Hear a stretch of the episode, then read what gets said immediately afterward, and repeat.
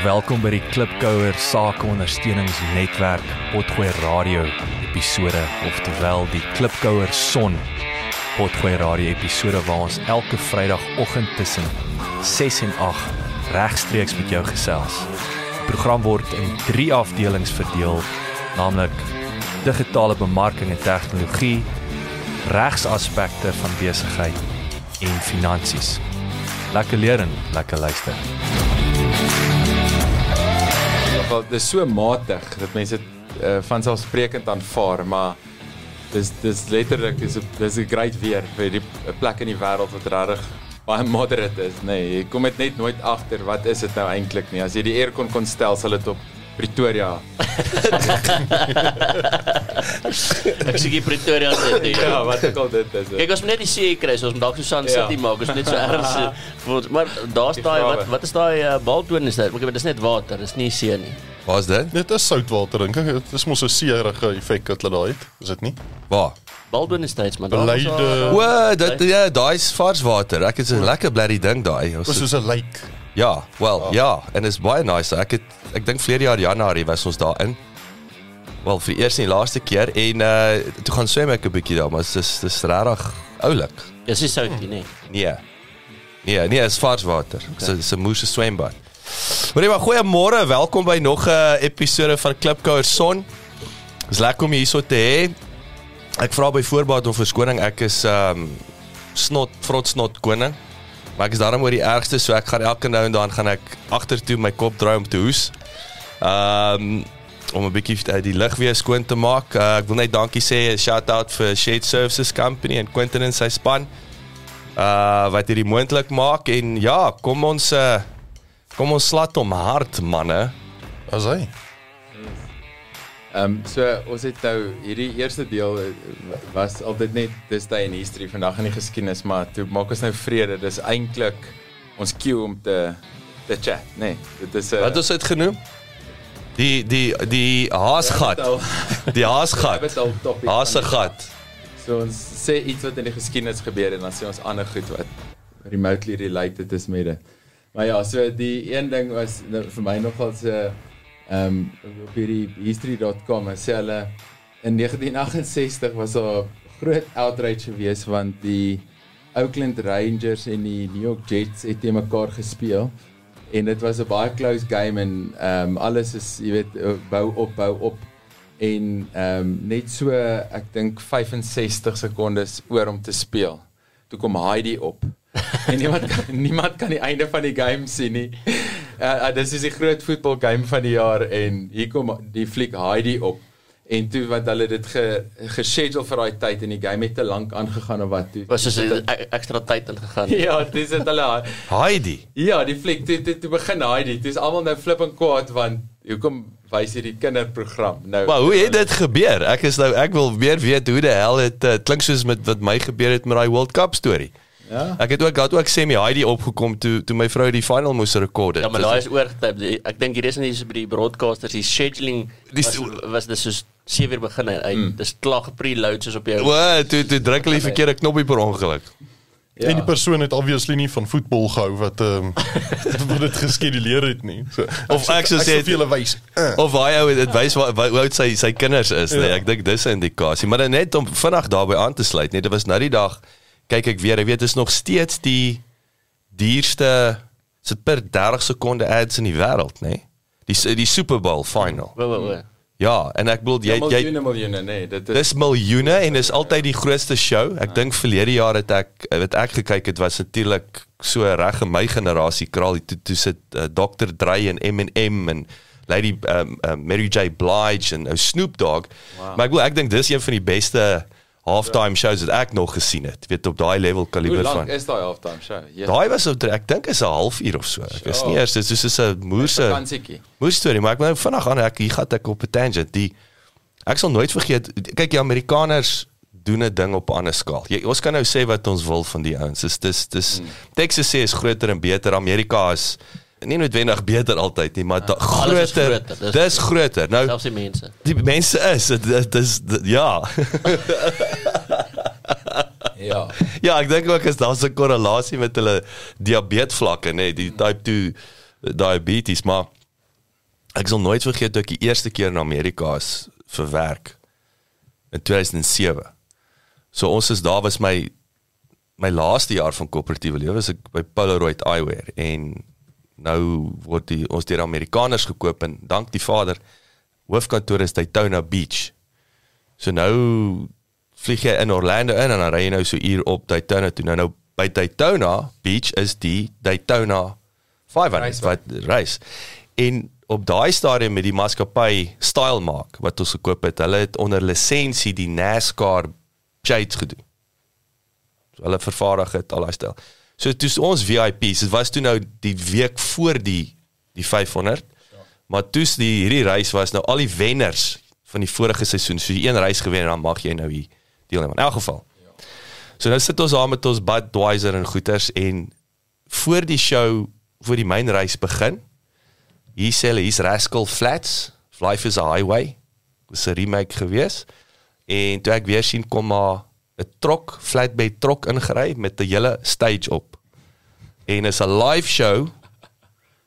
Net vinnig. Ry die trok weer uit, start die engines. 'n Hele live show. Jy kan dit net so gemis het as jy in die badkamer was. Jy wel, dit dit dit is ongelooflik wow. op daai vlak. En dan dink ek by myself, hoekom ry ouens nie net vinnig die band in? Mm. Speel hulle live en ry uit nie.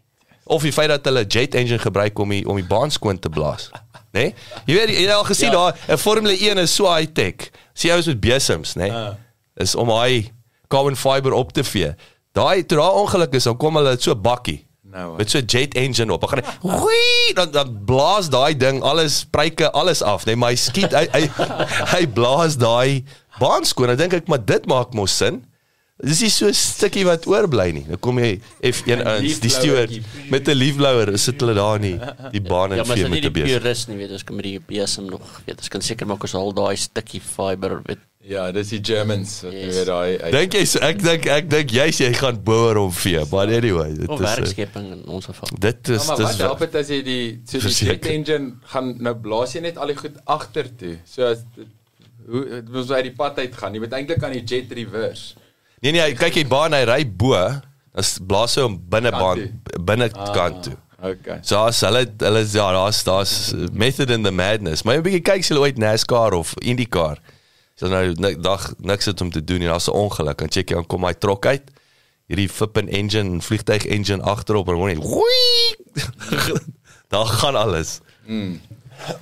2003 word ehm um, Arnold Schwarzenegger die gouverneur van Kalifornië.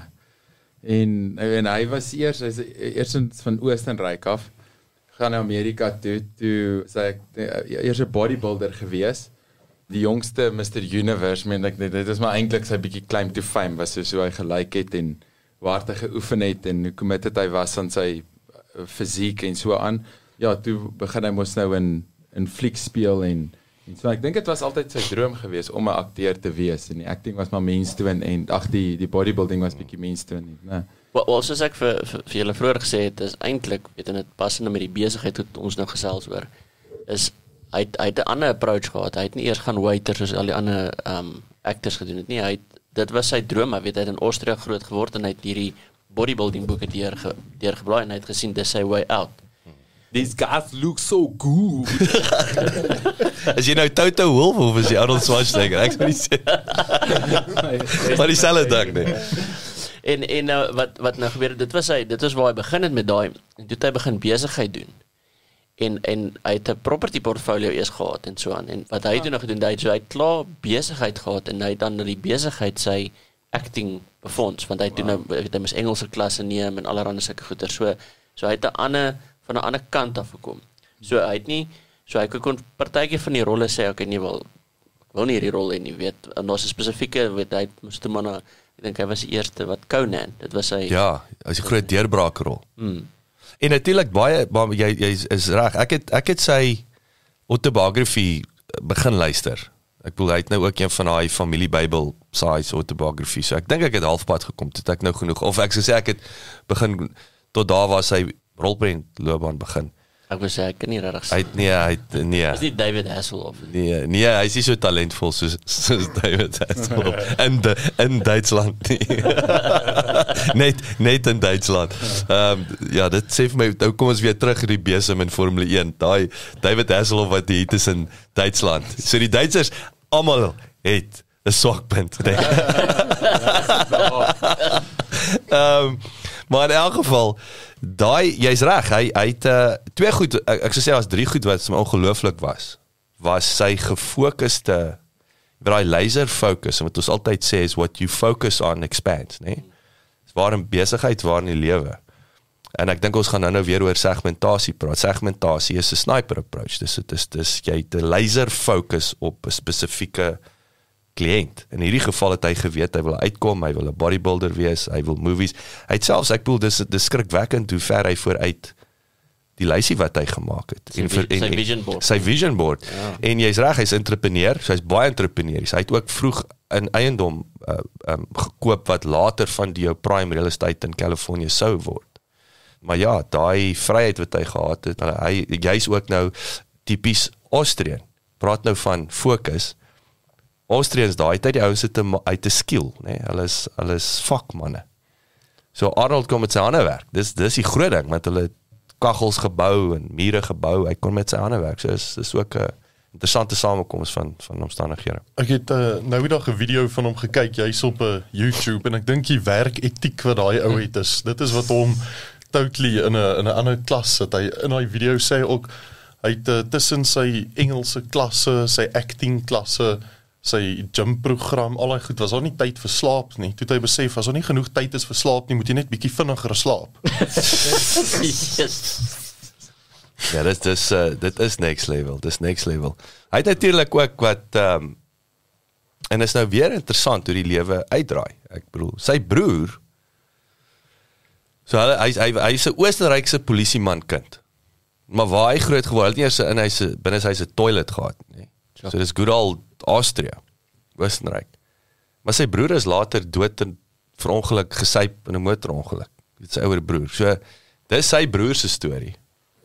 Maar daar's altyd die ding wat te sê, weet, motivering kan jou of dryf na iets toe of dit kan jou verskoning wees.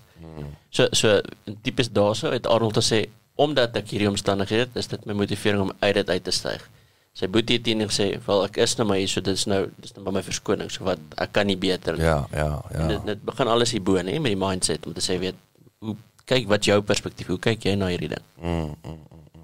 En as weer jy mik vir iets en ek weet dit klink nou as ek sê dit kom vir my dit sluit baie mooi aan van as ons nou nou weer oor segmentasie gaan praat is jou uh ek wil sê is jy die het jy machine gun approach of het jy het jy het jy laser focus en machine gun werk nie of wat is ons gooi modder op die muur Sprei wat spray en pray Ja, sprei en press. spray en pray en mense mense onderskat dit en ek sê dit uh, vir myself ook ek sê dit as ek sê preaching die hardste vir myself is dat dit is ongelooflik actually hoe baie keer mense nie fokus het nie. En onthou dit is nie net 'n besigheidsding. Ek dink dit help om dit as jy dit in besigheid doen dat dit normale ding word in jou jou persoonlike lewe.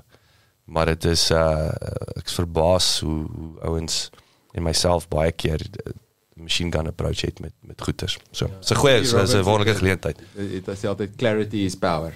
Ja. En ek dink dis ook een van die goed wat dit so goed maak om goed neer te skryf. Dit is nogal commit om te as jy jou visie of jou droom Mm. neerskryf, maar sodra jy dit doen, dan begin dit eintlik gebeur. Dit is uh om om jou vir jouself 'n pad te maak of om jou vir jouself 'n kaart te teken en duidelik te wees. Hier is waar ek nou is. Dis waartoe ek op pad is. En ek dink hierdie is hoe dit gaan lyk as ek daar kom. Dan begin jou brein 'n pad kry na dit toe. Wat ook al dit is, enige iets. Party mense word sangers, akteurs, uh politici, sakemanne, sakevroue. Iets wat ek ook nogals van 'n uh, ou Arnold uh, waardeer is en en iets wat mense by hom kan leer is hy dit persoonlik gemaak. So toe hy wil begin te act, het hulle vir hom gesê you uh, wat uh, uh you Dutch guy uh, uh, um German, skus maar. Austria. Uh, Austria. Maar, hy hy praat Net Germaans, time, ja. net time lucky. Ek het hom soos Arnold gepraat. En uh dis hulle you Arnold Schwarzenegger wat ook al jy sal nooit act nie en en hy dit gaan persoonlik maak en en elke keer as hy sy acting klasse gaan bywoon het het hy onthou hoe hulle hom gemok het en gesê het meneer Snitchell gaan nooit 'n um, 'n actor word nie en en dit is hoe hy homself gemotiveer het. Wat vir my ongelooflik is en ons die laaste ding wat vrou Arnold gaan sê is dat toe hy begin het toe sê hulle hy's te groot. Hy kan nie akteur wees nie en gaan kyk al sy rolle. Hulle sê ook is soos as asof die tyd wat ons ingegaan het met 'n Terminator, weet hierdie macho rolle, daar was geen ander kon net so groot ou gewees het. Mm. En toe hy wegspring, toe sit nee, jy's te groot. Daar's nie rolle vir 'n 'n moerse ou soos jy nie. So dis dis weer vir my ongelooflik hoe. uit. Dis al ja, dis soos dis daar's nie toevallighede nie. Ja, maar nou kan jy sê gaan skep by die mark. Net is weer is daar in die in die mold is nou net pas jy nie in nie. Dan gaan- Yes. Dan gaan create jy iets so sê ek het maar nou begin ek dan my eie mark, begin my eie ding wat Ja. wat wat, wat vir my pas. En check Ja. nou, ek dink The Rock is soos een van die hoogs betaalde ouens tans. Kry die Hy meeste werk, ja, kry die meeste geld in Hollywood. Dit is is verseker so, is verseker so. Ek wil wil vanaand die in terme van goal setting, want ons praat nou van daai ons het nou die dag toe gesels ons. Dink jy was op op die op die program nie. Toe met jou goal setting. Nou weer eens dit is wel ja, as ek en jy daaroor Mm, gepraat ja. het. Toe kyk ek toe kyk ek twee YouTube uh, shows weer of programme podcast slash podcast episodes. Toe sê hulle jou jou beste manier is om te identifiseer wat is worst case scenario. Mislukking. Wat jy moet jy moet mislukking definieer om jou doelwitte te bereik. OK? En die rede daarvoor is want ons as mense is avers vir slegte goeders. So ons doen alles in ons vermoë om sleg te vermy. Ja, wat is die pain of pleasure Mm. ding wat Ja. so so either is om pyn te vermoed of om pleasure te attain, weet. So om mislukking te definieer en op dit te fokus is die vinnigste pad na die sukses toe. Dis so counterintuitive, maar jy moet 'n bietjie mooi gaan want ons onthou almal praat goal setting goal en daar's natuurlik, daar's jy jy moet weer eens jy moet vir iets mik. Ek sukkel om die emosie, dis natuurlik 'n ander ding wat ek nie kan uitvee. Ek dink waar visualization inkom, want almal praat altyd van sien die prentjie, maar die dis die emosie wat die realisasie teweegbring. So ek weet ek weet ek sukkel met die emosie om om om om daai wenstreep te sien en te voel. Maar nou sê die ouens twee verskillende ouens. Tim Ferriss was een en wie was die ander wat ons ook daar? Uh, Jordan Peterson. Ja. Was Jordan Peterson wat ja, so Ja. Tim Ferriss wat wat ek ry ja, en ek wil sê is as albei daai ouens sê. dit vir jou sê is define mislukking en jy gaan jou liggaam en jou kop gaan alles doen om dit te vermy. En die teenoorgestelde van mislukking natuurlik. Ja, jy kyk dit uh, in die oë. Kyk dit in die oë. En en wees baie spesifiek. Ek wil nie arm wees nie. Ek wil nie bankrot wees nie. Ek wil nie jy weet hierdie of daai situasie beleef nie. En en om dit dan selfs te gaan beskryf. Nou genoem van Anthony Robbins, maar hy het maar hy praat maar baie oor hierdie goal setting en motivering en sulke tipe goeters en en hy hy weet hy sal jou uitdaag om uh, iets wat jy wil bereik te vat en te die nie net die pros en cons nie, maar die pros en cons van albei situasies om dit te bereik en om dit nie te bereik nie. Het pros en cons. En om so duidelik oor dit te raak, deur dit uit te skryf, al vier basically daai scenario's. Hoe gaan dit wees? Okay, want daar's daar's ook baie keer 'n rede om iets nie te doen nie. Jy dink hier's 'n great idee of hier's 'n lekker plan, maar dit is 'n uh, hoe begin ek en en en hoe beplan ek? Daar's baie onsekerhede om enigiets te begin of te verander, weet of te commit om daai werketiek te hê wat jy van praat, om om dan jouself uit- te kry tot 'n aksie. Help om bitterlik beskrywend te wees. Veral as dit iets regtig belangrik is en mens sukkel om bietjie daai verandering in jouself r- te bewerkstellig.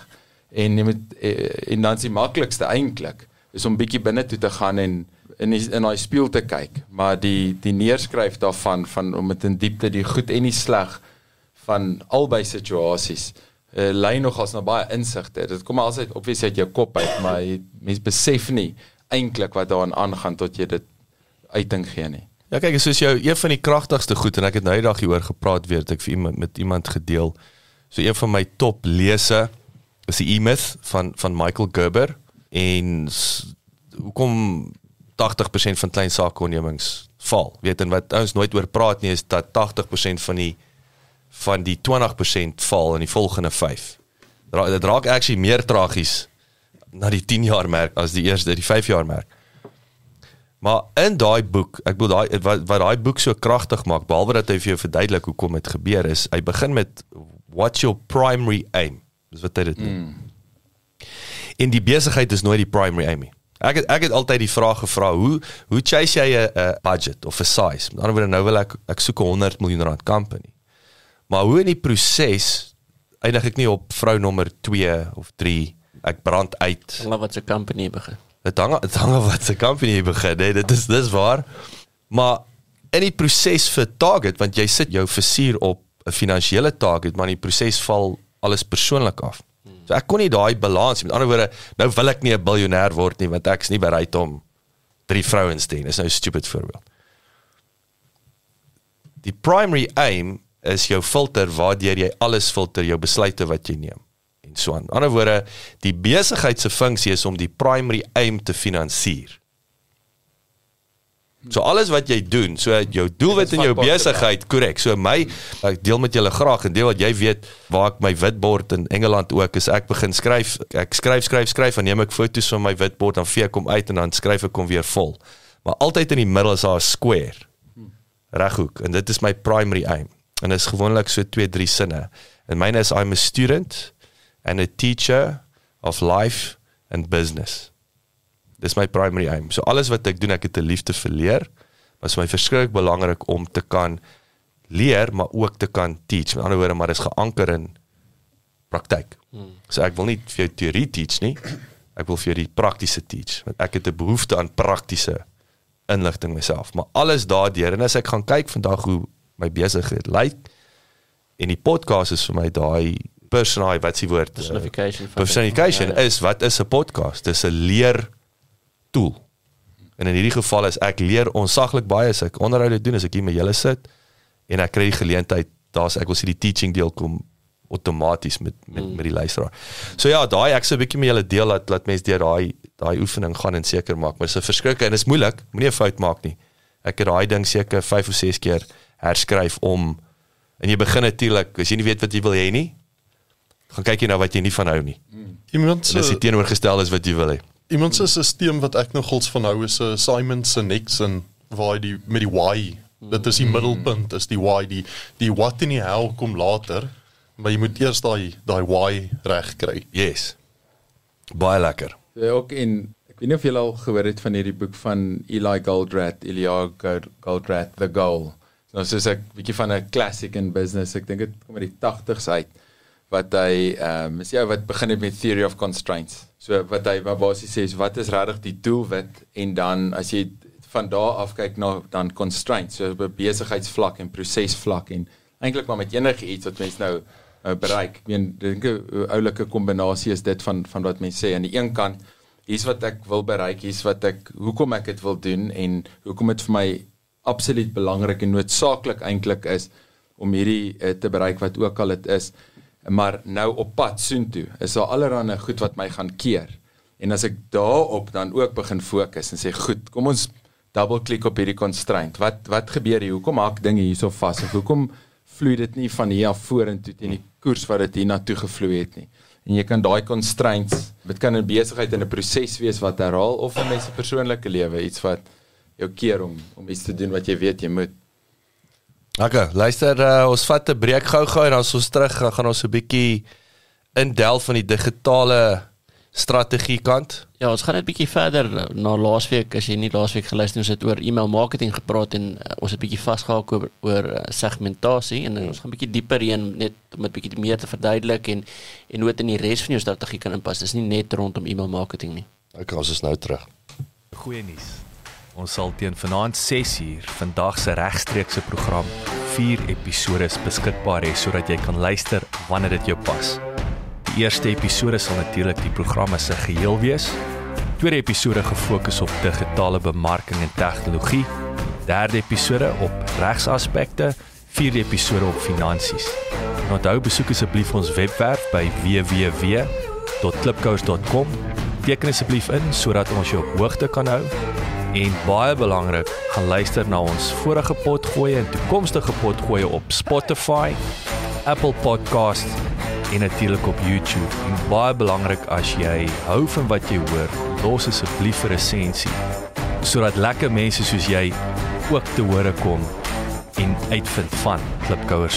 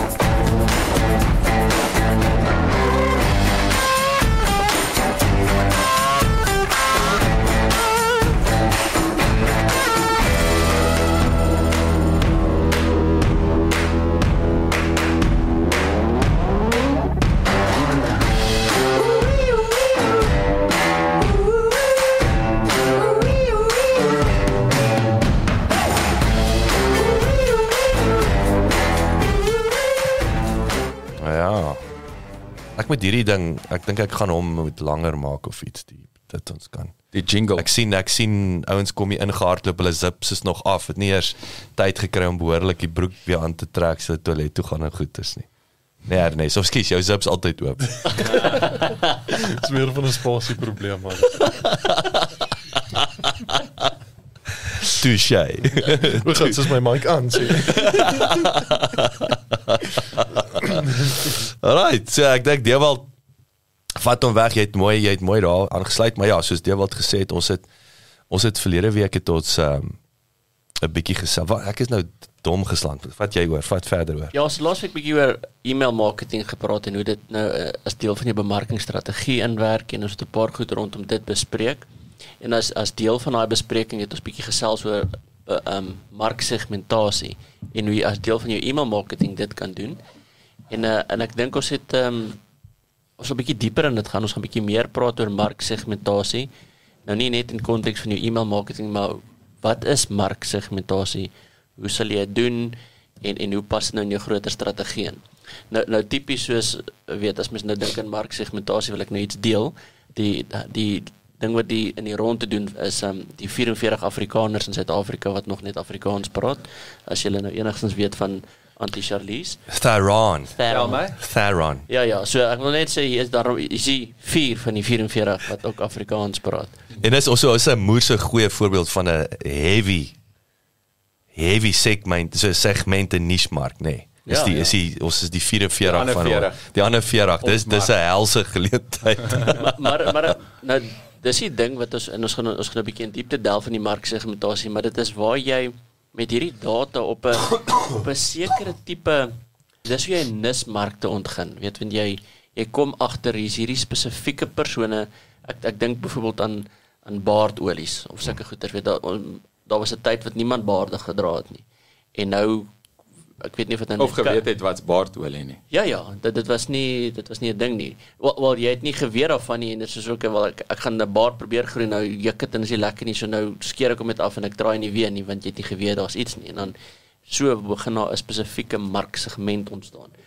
En ek dink dit is dieselfde met ehm um, toe ons nou gepraat het oor Arnold Schwarz- Schwarzenegger. Schwarzenegger. Schnitzel, Schnitzel, Schningy. schnitzel snot. Ja, daai ene.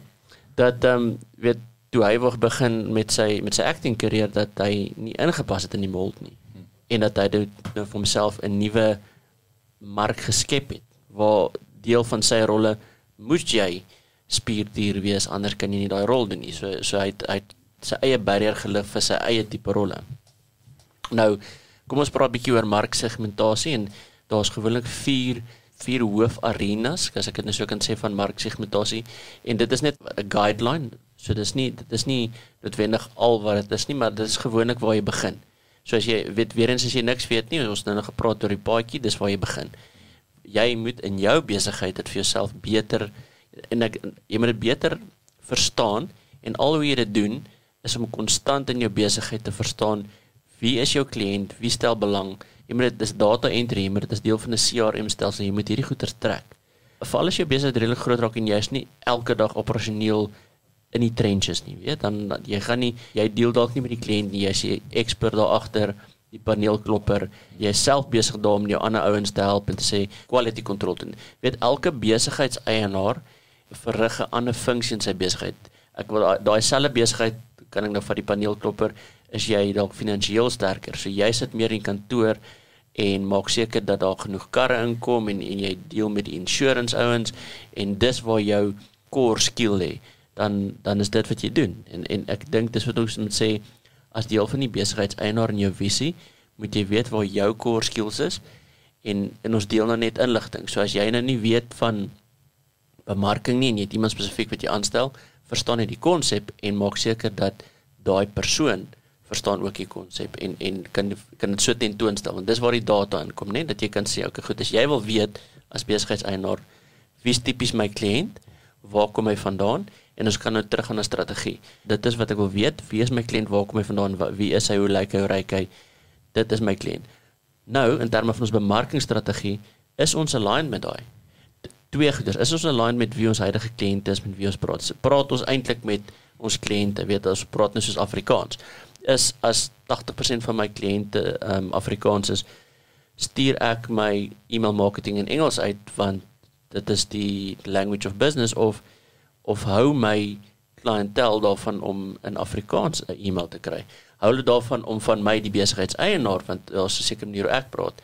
Dit is al sulke datapunte wat jy moet begin bymekaar maak dat jy verstaan hoe hierdie goeders werk. Nee sê gou nee, wat vir my ek het gesit en dink aan aan hierdie segmentasie. Ek wil julle sit julle bevind julleself in 'n industrie wat actually perfek.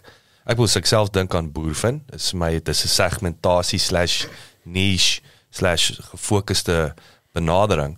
Maar dit voel vir my julle game is dit amper makliker om dit te bepaal waar wie wil ek teiken, wat's daai individu juis om dit om met die ek wil sê die maatskappye met wie hulle werk so groot is. Ja, ja, veral in die boervinkant is is dit meer relevant dink ek en en makliker om dit te segmenteer. Uh, daar daar's natuurlik verskillende vlakke waarop ons 'n kliënt segmenteer.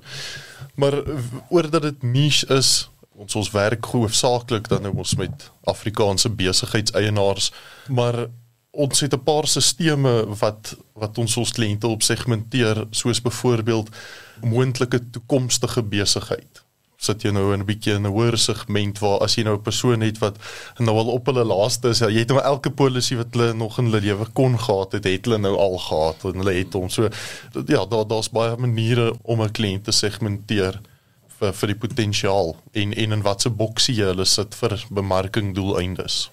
En en ek dink die belangrike ding soos as ons nou praat oor nismarkte is ehm um, daar's altyd die ding as jy die besigheid begin dan sê maar wie is jou kliënt? Nie almal is my kliënt. Mm. Dit is jy vir almal alles En en dis dis. Okay, want jy moet die pot aan die kook hou en vir 'n begin. Partykeer doen jy net brood en botter. En, en ja, dit is oukei, okay, maar wat ek wil wat ek net wil sê waar weer eens jy net moet oor dit dink is om te sê ek het nog steeds 'n doel van wie ek wil hê moet my kliënt wees. Saam met wie wil ek werk? Dit beteken nie ek wys die ander 'n weg nie. Mm. Dit beteken net daar is nog steeds 'n spesifieke strategie. Want as jy daai strategie het, soos kom ons vat nou as praktiese voorbeeld boer vind omdat jy met Afrikaanse besigheidseienaars dit is wat jy sê jy soek dan trek jy dit aan. Ja. Dit beteken nie dis al wie jou kliënt is maar dis hoofsaaklik wie aandruk want dit wat in jou bemarkingsmateriaal is praat met daai segment. Dit wat jy sê praat met daai segment. So dit, dis hoekom ek sê dit is belangrik dat jy nie alles vir almal probeer wees nie want dan kan jy nie jou bemarkingsmateriaal kan nie kan nie kan nie belyn met dit nie. En ek dink jou hele waardeproposisie geer jy vir daai segment dan nou. So so ek kan meer waarde toevoeg vir die mense binne 'n sekere segment as vir iemand anders byvoorbeeld. Ek gaan nie daai ander persoon wegwys nie, maar ek kan vir iemand anders van meer waarde wees. Maar ek dink die, die belangrike ding is dat die fokus is waar jy begin. So jy begin dalk nou en sê want dit is hierdie marksegment en dan gaan jy dan weet ek soos my dan gaan delf hierdie ding en jy myn vir hom raak tot tot jy sien weet jy het nou al die stelsels in plek, al die mense in plek, nou in terme van 'n groei strategie sê, okay, wat's volgende? Nou ek wil terug eh, weet 'n eh, eh, 'n eenvoudige voorbeeld as mens nou dink vandag in Facebook. Facebook doen alles vir almal en dit is wêreldwyd. Maar as jy mooi gaan terugdink hoe, hoe hulle hulle groei strategie hoe hulle begin het. Hulle was eers net by een kampus gewees, 'n universiteitskampus en net binne in die koshuise hmm. met was daai tipies swipe left, swipe right like dit dis waar Facebook begin het. Toe hulle genoeg mense kry, toe gaan hulle na 'n volgende kampusse toe in die ek dink in dieselfde dorp of region en van daar af het hulle so stelselmatig uit, uitgebrei. Jy het eers een ding goed reg gekry mm. en dan gaan jy na die volgende ding toe in plaas van om te sê global ons launch dit en ons weet die die visie is daar. Die mm. visie is global maar daar daar's 'n daar's 'n metode hoe jy tot dit gaan. So kom ons gaan nou gou uh, 'n marksegmentasie die die eerste tipe hoof area as jy kyk na marksegmentasie is gewoonlik geografies en geografies beteken is my kliënt gewoonlik in 'n radius van waar my besigheid is. Wie wie is my tipiese kliënt? Is hy binne in Suid-Afrika? Is hy binne in Gauteng? Is hy binne in Pretoria of is hy binne 5 km? Kom ons vat waar ons nou hierso sit vandag. Ehm um, as jy 'n promosie met die met die koffiewinkel hier onder wil hardloop jog, gaan jy nie vir die ou in Johannesburg sê weet jy kom kry 'n cappuccino en kry 'n brownie Vrydag of kom weet tipies kom ons ons braai oor worsrolletjies en hier's 'n bier ook nie weet daai daai promosie gaan jy nie vir die, vir die Johannesburg hou dit dit is 'n is wasted resource. Mm. Kyk so so nou eh, weer eens met met globalisasie en COVID en met tegnologie is dit nie altyd die waarheid nie. Dit hang af weer eens. Dis hoe ek sê dit is spesifiek tot jou besigheid. Sê net maar jy maak 'n produk. Ek dink dis wat so so lekker is as jy 'n spesifieke produk maak met e-commerce en dit jy goed kan gaan aflewer with the world's your oyster. So jy kan nou gaan maar maar jy moet nou weer eens maar so as dit nou jou ding is kom ons gaan nou sê jy het 'n produk dan as dit die geval is dan gaan jy nou nie net noodwendig op 'n location gaan nie want nou gaan soek jy op ander vlakke nou gaan soek jy meer dalk demografie hmm. nou demografie is tipies taal wat praat jy wat is die wat is die ouderdomsgroep is dit is dit mans is dit vrouens is dit dit eienskappe dis is meer sulke eienskappe rondom die mens want nou kan jy kom ons vat nou weer die voorbeeld van baardolie weet Nou kan jy 'n baardolie en jy kan dit online verkoop. So nou gaan dit nie spesifiek oor die oor die area nie. Nou gaan soek jy okay, weet wie tipies groei baard. Dalk die hier's daar's Afrikaner mans en veral nou in November van van snor na baard is nie te ver nie, weet. Da, da, dank is dit 'n goeie kampanje wat jy hardloop. Dan sê ek goed, maar waar is die Afrikaner ou? Oh, is dit jy gaan dit uitvind ook deur aanhoudend data te myn en te analiseer. So gaan jy weet my kliënt is tipies 'n 25-jarige student. Ja, 'n 25-jarige wat nie net na student is wat nou wil rebelleer en brandewyn drink. Dit is my tipiese kliënt. En dit is dan waarop jy fokus eerste en dan gaan jy sien ek goed maar daar is die uitskieter in die, die edge gevalle. Ek dink dit baie belangrik is nê. Nee. So ek, ek wil hom twee tree terugvat. Die eerste ding is Marian, ek sê dis dis 'n vraag vir jou ook nou as prokureur omdat jy ook ek wil sê spesialiseer. Ek wil amper sê wat kom eerste? Toe jy wegspring. Nou nou nou ek gaan ek hou daai vraag in jou kop. Dink so lank daaraan. Is waarmee het jy begin? Jy het nie begin om 'n co-op spesialist te wees byvoorbeeld. Maar as ek dink waar ons byvoorbeeld met die skoonmaakbesigheid in Londen begin het. So nou het jy 'n commercial cleaning company. Wie target almal? Almal 'n commercial cleaning company maak kantore skoon. Nou kom jy aan die gang en ek dink dis as ek terugkom met weet jy veral as jy in die beginstadiums is. Kyk want daar's nou vlakke. So daar's en ek dink baie ons wil weet waar begin ek? So wat is hoe identifiseer ek 'n nismark byvoorbeeld? Ek dink Afrikaans is nou 'n klassieke voorbeeld van 'n nismark, maar daar's 7 miljoen as ek nou daai artikel wat wat Charlize Theron dis daar net so bietjie meer as 44 as 7 miljoen uh, Afrikaans sprekendes in Suid-Afrika En selfs in daai segment, kyk jou groot kleerlinggemeenskap in die Kaap. Nou sê jy, "Wel, almal wat Afrikaans is, is jy seker?" Maar daar's 'n groot verskil tussen die uh, Afrikaans sprekende kleerling in Wes-Kaap en 'n Vrystaat Afrikaans sprekende boer. Jy weet, so daai is nou klassieke voorbeelde van van segmentasie. Wie wil jy teiken? Want almal praat klomp ons Afrikaans praat, maar almal het nie dieselfde waardesisteme en en en uh en, en belangstellings nie. So die die belangrikste ding is hou die pot aan die kook. So as jy as jy die blokke uit is, jy doen wat jy moet doen. Soos wat ons ek het later agterkom, almal wil kantore skoonmaak. Want dit is die lekkerste maak nie so baie geld nie, maar dis 'n lekker kontrak. Hy stikkie, jy weet jy jy moet regtig ernstig na ons is aanjaag om te verloor. Dis 'n baie lekker werksomgewing en jy kan die kontrak jy het vanaand van 6 uur of 7 uur vanaand wat almal weg is tot volgende oggend 7 uur het jy tyd om die plek skoon te maak. Dis dit is dit interessant hoe jy daai sê dit dis dalk hoe dit in Londen gewerk het. Ek wat nou in koöperatief nog sit. Die mees irriterendste ding is ag die oggend terwyl ek op 'n meeting weet mm. en as en, en ja nee en ons is nou nie in 'n meeting in 'n meeting room nie. Ons moet nou almal op Teams is online. Ja. En dan die kom hulle. Dan sukses. So daai is daai is daai daai is 'n voorbeeld van 'n duikleer maar dis nou weer dis nou is jy weet anyway dis 'n storie vir 'n ander dag maar ja dis dis stupid goed jy, jy die ferry company maar nou later sien ek restaurante is 'n lekker niche, maar restaurant. Ou maar die die chef begin 6:00 die oggend prep. Jy het 'n 2 ure venster tussen 4 en 6 om my restaurant skoon te maak. En as dit 'n groot restaurant is met daai team van onthou, dis manure, vrouure, persoonure. so jy het 'n team van 5 ouens wat 2 ure, so jy moet 10 ure se skoonmaakwerk doen in daai 2 ure venster. High pressure 7 dae week. So nou nou is dit al klaar. Wat is die voordeel daarvan? Maak meer geld want dit is 7 dae week. High pressure, ek kan 'n premie charge versus 'n kantoor. So dis weer daai en later het ons snaaks genoeg, dis waar ek my niche gevind het, segmentasie en ons het éventueel en, ek dink nog steeds die DNA van Cleanology vandag in Londen is is geleë in restaurante. Inteendeel die nasionale groei was as gevolg van een ek sê my claim to fame was 'n was dit the shoe was 'n nuwe Bombay cafe style. So dis as mos nou groot Indiese gemeenskap in in wel in Engeland en toe gaan hulle terug na 60s Bombay wat natuurlik 'n British Indiese mix en hulle begin hierdie snaak, maar so spice coffee, so weird goeters. Nie my tipe kos en goed nie. Ek het probeer. Daai ding het ontplof en is van vandag 'n nasionale restaurantgroep en die besigheid het saamgegroei en ek het die ek het die eerste 3 gewen. Ek sal ek sal nooit vergeet. Maar in elk geval So jy begin en van van daar af begin jy identifiseer. Ek dink dit is baie keer as dit begin duidelik raak, wil ek meer geld maak? Is ek toevallig goed hier in? Like ek hierdie segment meer? Ek like om 'n besigheid Afrikaans te doen. Weet jy van julle nie, maar dis my eerste, dis my eerste keuse want dit is net minder gekompliseerd as jy jy weet jy sit met 'n potensiële kliënt wat jy 80% meer align. Maar ek wil terugkom na die my vraag om prokureer. Waar het jy begin?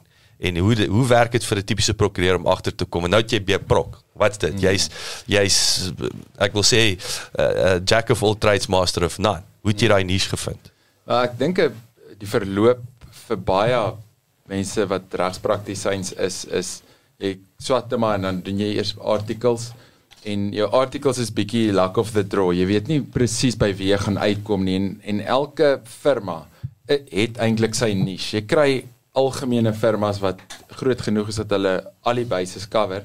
Maar selfs daar binne gaan jy waarskynlik dan in 'n departement werk waar jy 'n spesifieke goed leer. Byvoorbeeld, jy werk met familiereg of eiendomsreg of ehm um, besigheid of whatever.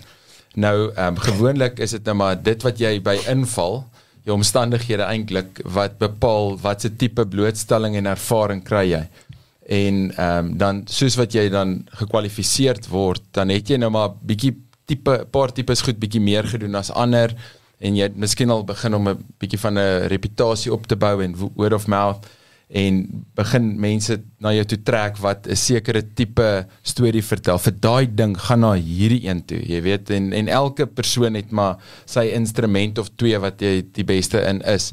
En dan so dit daar's da 'n mate van um, om in 'n rigting in te mik, maar met ons professie is dit veral nogals um, om eintlik onder iemand in te kom wat klaar daai pad stap, omdat dit bietjie dis maar 'n individuele tipe karier. Al is dit werk jy baie keer in 'n firma en in spanne, is dit maar dikwels 'n baie uh, alleen tipe werk. Jy vat verantwoordelikheid vir 'n kliënt of 'n projek en um, of 'n spesifieke rol wat jy daarin speel en so aan en elke saak waarmee jy te doen het, het is is baie uniek. Okay, mense kry herhalende tipe goeder, maar dit is nog steeds 'n uh, 'n spesifieke ding. En dan uiteindelik is dit amper by default dat as jy nou uh, 50 keer of 100 of 200 keer al hierdie tipe ding gedoen het of dalk partykeer in my ervaring eerder 5 keer in diepte met 'n ding gewerk het wat jy regtig heeltemal moet uitmekaar al en verstaan en aan mekaar sit en bietjie pad met dit stap en So en dan dan ontwikkel jy nou maar net dis nou soos daai Rafael Nadal se regterarm. Net wat so bietjie groter as die linkerarm, maar jy dit wat jy die hele tyd doen is wat jy ontwikkel. En en dan as jy dan 'n bietjie gaan ekstra swat en ekstra oplees en goed dan kan jy nou ekstra kennis opdoen en goeters wat nou vir jou dit al hoe meer maak, maar dit gaan ja dit gaan uiteindelik is daar 'n groot segmentasie komponent van. Dit help veel jy het hierdie spesifieke jy het hierdie regter bicep wat so groot is en 'n raket so kan kan slaan maar almal nooi jou heeltyd om cricket te speel en jy wil eintlik in hierdie rigting gaan maar jy kry net nie geleenthede nie. Jy jy weet net nie hoe om daai mark toe te tree nie. Al is dit jou droom. En ek dink dit is miskien 'n baie goeie plek. En dit hoef nou nie noodwendig so drasties te wees nie. Ek kan ook net sê wel heidaglik spandeer ek 70 80% van my tyd aan goed wat eintlik my plan B tipe. Dis regtig brood en botter geld en dis goed wat ek ek is okay en dit. Ja daai daai Jim Collins praat ons van die hedgehog konsep van die drie sirkels wat so moet overlap van waaroor is jy passievol? Ehm um, waar is jy baie goed? Kan jy die beste word? En verstaan jy die economics van daai game? maak, ja. ja. En as waar daai drie bymekaar kom ek dink uiteindelik is dit die ding jy moet kan passief wees is goed uh, passievol wees is goed om ehm um, goed te word in iets is is goed maar dit kort ervaring en dan moet die economics daarvan sin maak en ek dink met be bemarkingsstrategie wat die market segmentation beginsels toepas is 'n manier wat jy dan eintlik 'n bietjie van 'n skuif kan maak en sê wel ek wil meer van hierdie aantrek dan is dit vir my meer in lyn met my visie.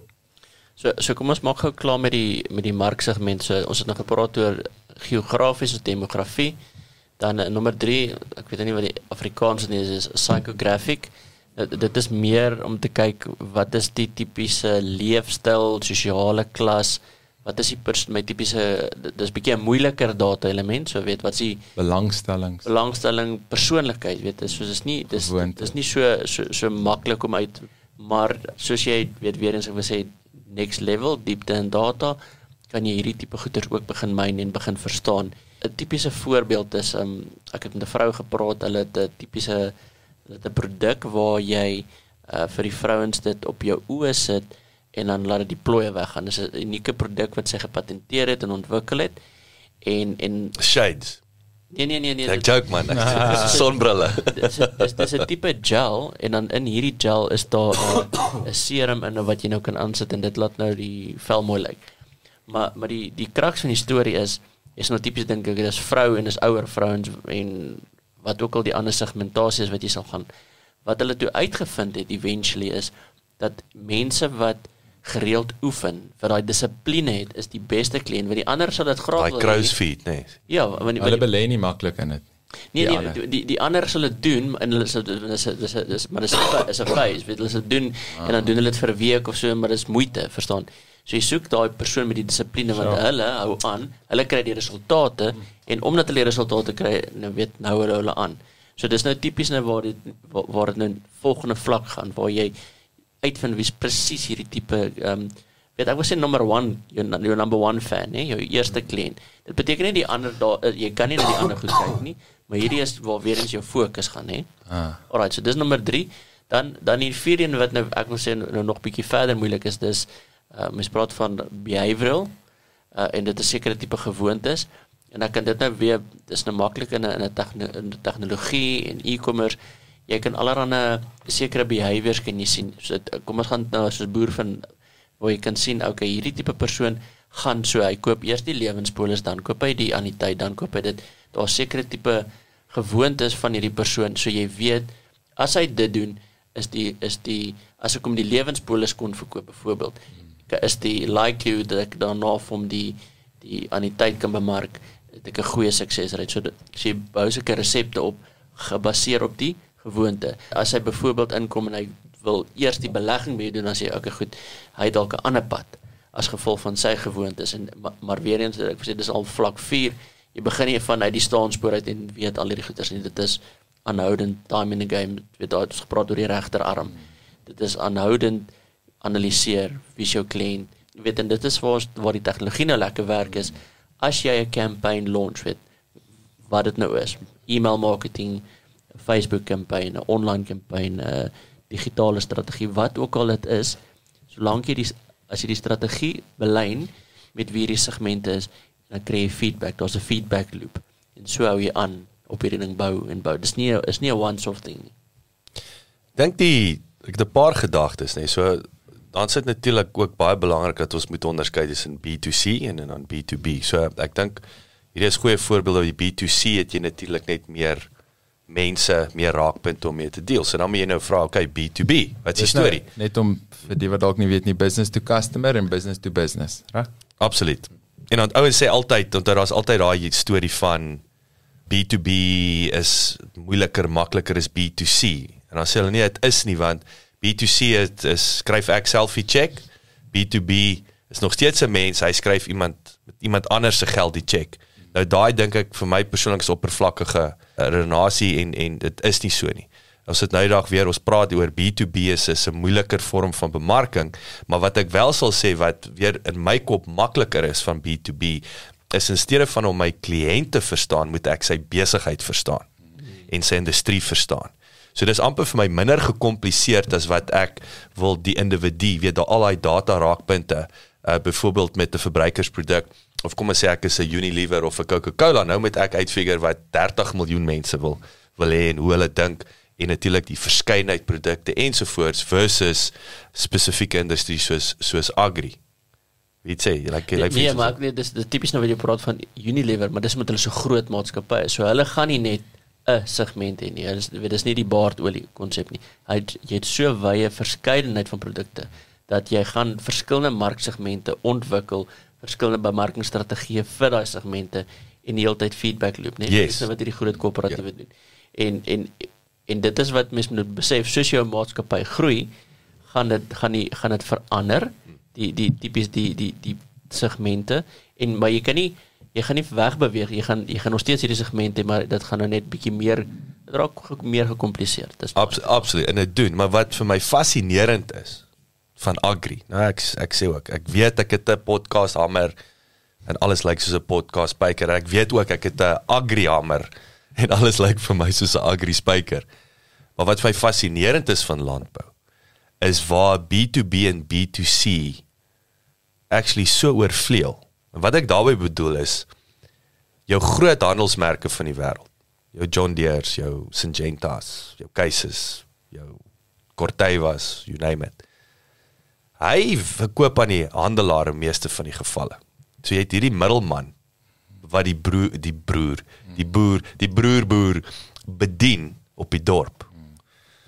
Maar hy's afhanklik eintlik van die die feedback loop van die boer af.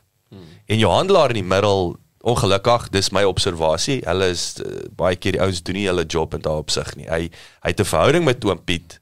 Oom Piet koop van hom, hy hy verstaan nie die daai ek wil sê daai stad is kom ons analiseer kom ja. ons kom ons analiseer die datapunte van hierdie 100 boere in in in ons 20 km radius. So wat dan die gebeur is is nou wil die handelsmerk wil desperaat is desperaat om met die boer te kommunikeer. Mm. Maar hy verkoop nie aan hom nie. Maar hy weet ook en hoe nader hy aan hom kan beweeg, daai feedback Sal hy begin vra Ja, vir so die punt is hy hy 'n kliënt, die ou wat die cheque teken is die handelaar, maar dis eintlik nie die belangrikste persoon nie. Dis die boer. So nou veg hulle om by hierdie en die ouens sukkel. Dis vir my baie interessant. Ouens weet nie om by die boer uit te kom. Nee, ek kan nie ek ek sê nie daardeur ouens kom nie by die boer uit nie. Ek sê net hulle kom by dalk 10% van die ouens om daai vermoë te hê om konstant op 'n effektiewe manier daai boer te bedien. En ek gee jou 'n stupid voorbeeld, ek gaan hulle baie snaaks en dit is- nie wat ek gesê het nie, dit is wat ek eendag hierso vir Dewald Olivier, hy's die ehm um, die voorsitter van die SA Feedlot Association, so hy's die baas van waar hulle werk met al die groot voerkrale en so aan. Die So, hy's die beefbaas. Die vleispaleis. en uh hy is die oggend hierso en hy sê vir my baie interessante ding. Hy sê hy's op pad kyk net toe. Hulle hulle daar ek dink is een van hierdie ek weet nie man, ek raak dis dit plaas kombuis, kombuis, plaas boer. Ek weet nie, daar's mos elke tweede ou nou landbou show ook 6:00 die oggend en hy sê vir my, dankie Vader in die verlede moes hy soos 4 uur opstaan Randburg toe ry om nou hierdie ding live te shoot. Hy sê ten minste doen hulle dit nou uh, 10 uur die oggend want uh, en hy sê hy weet ook nie hoekom daai landbou show 6 uur is. Hy sê daar's net een boer wat 6 uur op is in die oggend. En dis 'n melkboer en hy's besig om te melk. Hy sê hy sê 'n graanboer staan nie 6 uur op nie. Hy sê 'n veeboer staan nie 6 uur op nie. So dis weer daai mite dat boere is somehow ja, dalk back in the day het, het ons oupas het met die son opgestaan. Hy het vroeg gaan slaap, niks te, op TV gewees, niks goed op TV gewees, op die radio nie. Maar die punt is om die aanname te maak dat boere 6 uur die oggend sit en TV kyk. En as jy dink selfs 'n nuwe generasie boer wat deurkom, dis actually absurd. En ek's jammer as ek op tone trap, want ek gee actually nie om nie, maar Dit is my absurd om te dink jy dink 'n ou wat so besig is. Die eerste ding wat hy in die oggend doen is nie met sy kinders ontbyt eet of vir mamma help om hulle reg te kry vir skool of wat ook al nie. Hy sit in TV kyk. Ja, jy het die dissipline om vroeg op te staan maar sodat jy kan TV. Sodat jy kan TV kyk. Hoe belaglik is dit nie? Maar in elk geval ek wil nie op 'n op 'n tangent gaan nie. Nee, ek ek dink dit is dit is nou die, die laaste ding wat ek net wou gesê het rondom marksegmentasie so ehm um, weet dis die vier goeders rondom dit dan ek dink belangrik net is net om te sê hoe hou jy aan om hierdie goed te dis moet dit nie in 'n spreadsheet sit nie. So kry begin vir jou ek's 'n voorstander van prosesse en stelsels. Kry 'n stelsel kry 'n feedback loop en kry almal op dieselfde page. Weet as jou, jou ek wil sê jou receptionist dan nie daar is maak almal deel van dit laat mens aanhou datapunte laat mens weet wie is jou kliënt wie kom aan wie kom daaraan en koop nie by jou nie. Dit is ook belangrik weet. Dis nie net wie is jou huidige kliënt nie.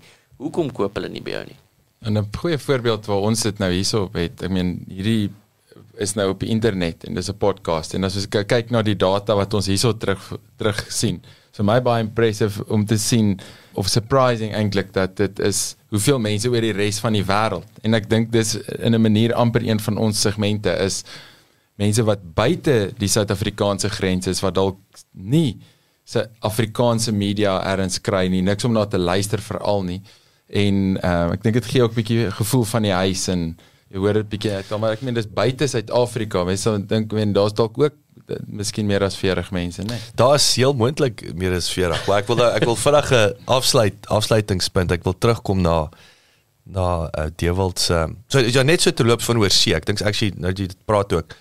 Kyk na ek dink om weer vir ouens wat daar buite sê maar waar begin ek?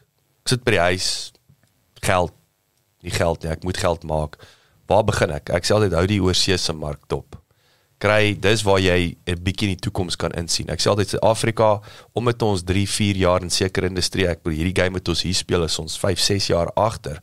Maar die nice ding daarvan, dit stel jou in staat om 'n bietjie in die toekoms te kan mm. Te sien wat kom. So vir al jou digitale, maar selfs produkte ook. So wees net wakker. So en ek dink dis waar Facebook jou jou LinkedIn's van die wêreld en so 'n ongelooflike bron van inligting. So ja, dit is ek dink daar's meer kompetisie, daar's baie meer startups en, en besighede as as as 20 jaar terug, maar ten minste kan jy selfs 'n ding soos Google gaan kyk na Google searches, gaan kyk wat waar is die beweging en is 'n vadersnaam. Ek sê nie en dit dis vir my Afrikaner siekte is elk jy, jy kopie elke tweede ou. Moenie kopie nie. Jy weet of of steel met jou oë, maar om Vader se naam. Wees bietjie vindingryk. Wees wees 'n bietjie vindingryk en as en as jy wil steel met jou oë gaan praat gee praat ten minste met die ou wat reeds traksie het, maar om so blaatante mm. wil kopie en paste, dis pathetic and by the way die wiele val altyd na 2 of 3 maande af. Maar Jock, ek is nou moes en skieurig wat het 'n uh, Olivier of wie wie, wie, wie sien Vleispaleis. Vleispaleis. Ja. Jy het begin met met iets wat hy gesê het. Jy het jy uitgeskryf. Jy het jy, ek weet jy het gesê dit bietjie moeilik opgestaan vir môre. Ons nou sê wie gaan ons. Boere staan die 6 uur op hier. O, dit was nee, ja, om te hoor wat. Ernest. Ek, ek jammer. Ek het uit aan my lippe gehang, maar het nie geluister nie. so ek wil so daai gaan kyk kyk kyk na die ander markte en dan ehm um, of jy vinnig 'n staaltjie vertel toe ehm um, jy het gepraat van baardolie. So uh, Meyer Leroux was van Buffelsfontein baard was my derde onderhoud van Klipkouers. En ek's toevallig in Suid-Afrika en ek en ek maak kontak want ek sien toe hierdie video wat viral gegaan het op die bike ry in die boomslang. Ek dink, "Ja, hierdie ouens." Maar wat ek vroeg kon sien is hierdie gaan 'n lifestyle brand word. Hierdie is nie 'n baardolie brand nie. En ek reik uit na hom toe en hy het nog toe 'n day job gehad. So ons kry mekaar en ehm um, So natuurlik daai onderhoud het goed gedoen. Uh weer eens, die onderhoud het goed gedoen want soos ons altyd gesê het, hulle vir Meyer luister. Hulle het nie 'n SME behoefte gehad nie. So ja, dit ja. is ook interessant geweest. So dit beteken nie ek het was van die meeste downloads gewees daai tyd nie, maar dit dit het niks vir my beteken as 'n ou wat 'n besigheidspodcast wil uh, monetize Ja, ja. en en bemark nie. Maar ek kry e-mail die een dag en is so en en, en dit's 'n vrou gewees en sy sê ons like jou olie kakkwai. Dit is soos 'n en ek reply en ek sê dankie, maar ek is nie die ou wat die olie maak nie. Dit is ek het hom geïnterview. Maar dit is dit is ek het daar dit is my een e-mail wat ek kry, is like jou olie kakkwai. Maar Hy sal anyway. dit tog as 'n slogan ook gebruik. Ja, nee. Hoorie so ons gaan 'n ons gaan 'n breek vat soos gewoonlik. Ek net dankie sê vir Lydia Winchester. So ons speel elke week ook opkomende uh, onafhanklike kunstenaars. Maar as ons terug is gaan ons 'n bietjie uh, handelsreg praat met Mare en hierdie ou se naam is Daniel Wat gaan ons praat oor net vandag? Nee, maar jy kan sommer sê. Plaaslike afleweringsdienste, local delivery services en e-commerce. Ah, lekker. Nice. Ons gaan Mr D praat. Ehm um, so die ou is Daniel Wesley en is 'n briefie vir sy ma. Lekker luister, ons is nou terug.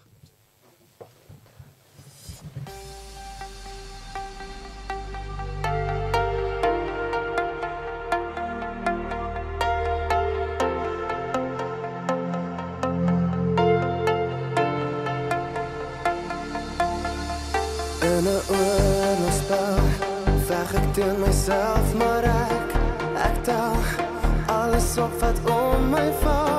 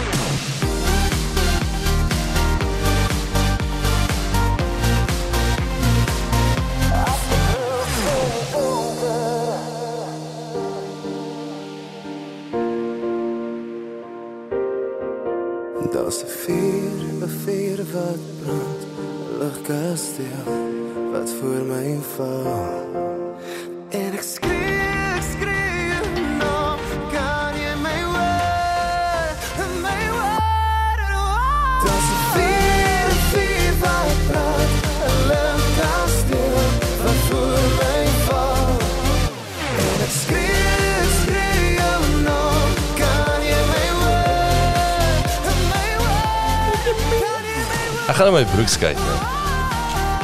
Julle het gesien hierso. Ek daai was verlede week se bloody recording. Dis actually Rein Ligkasteel.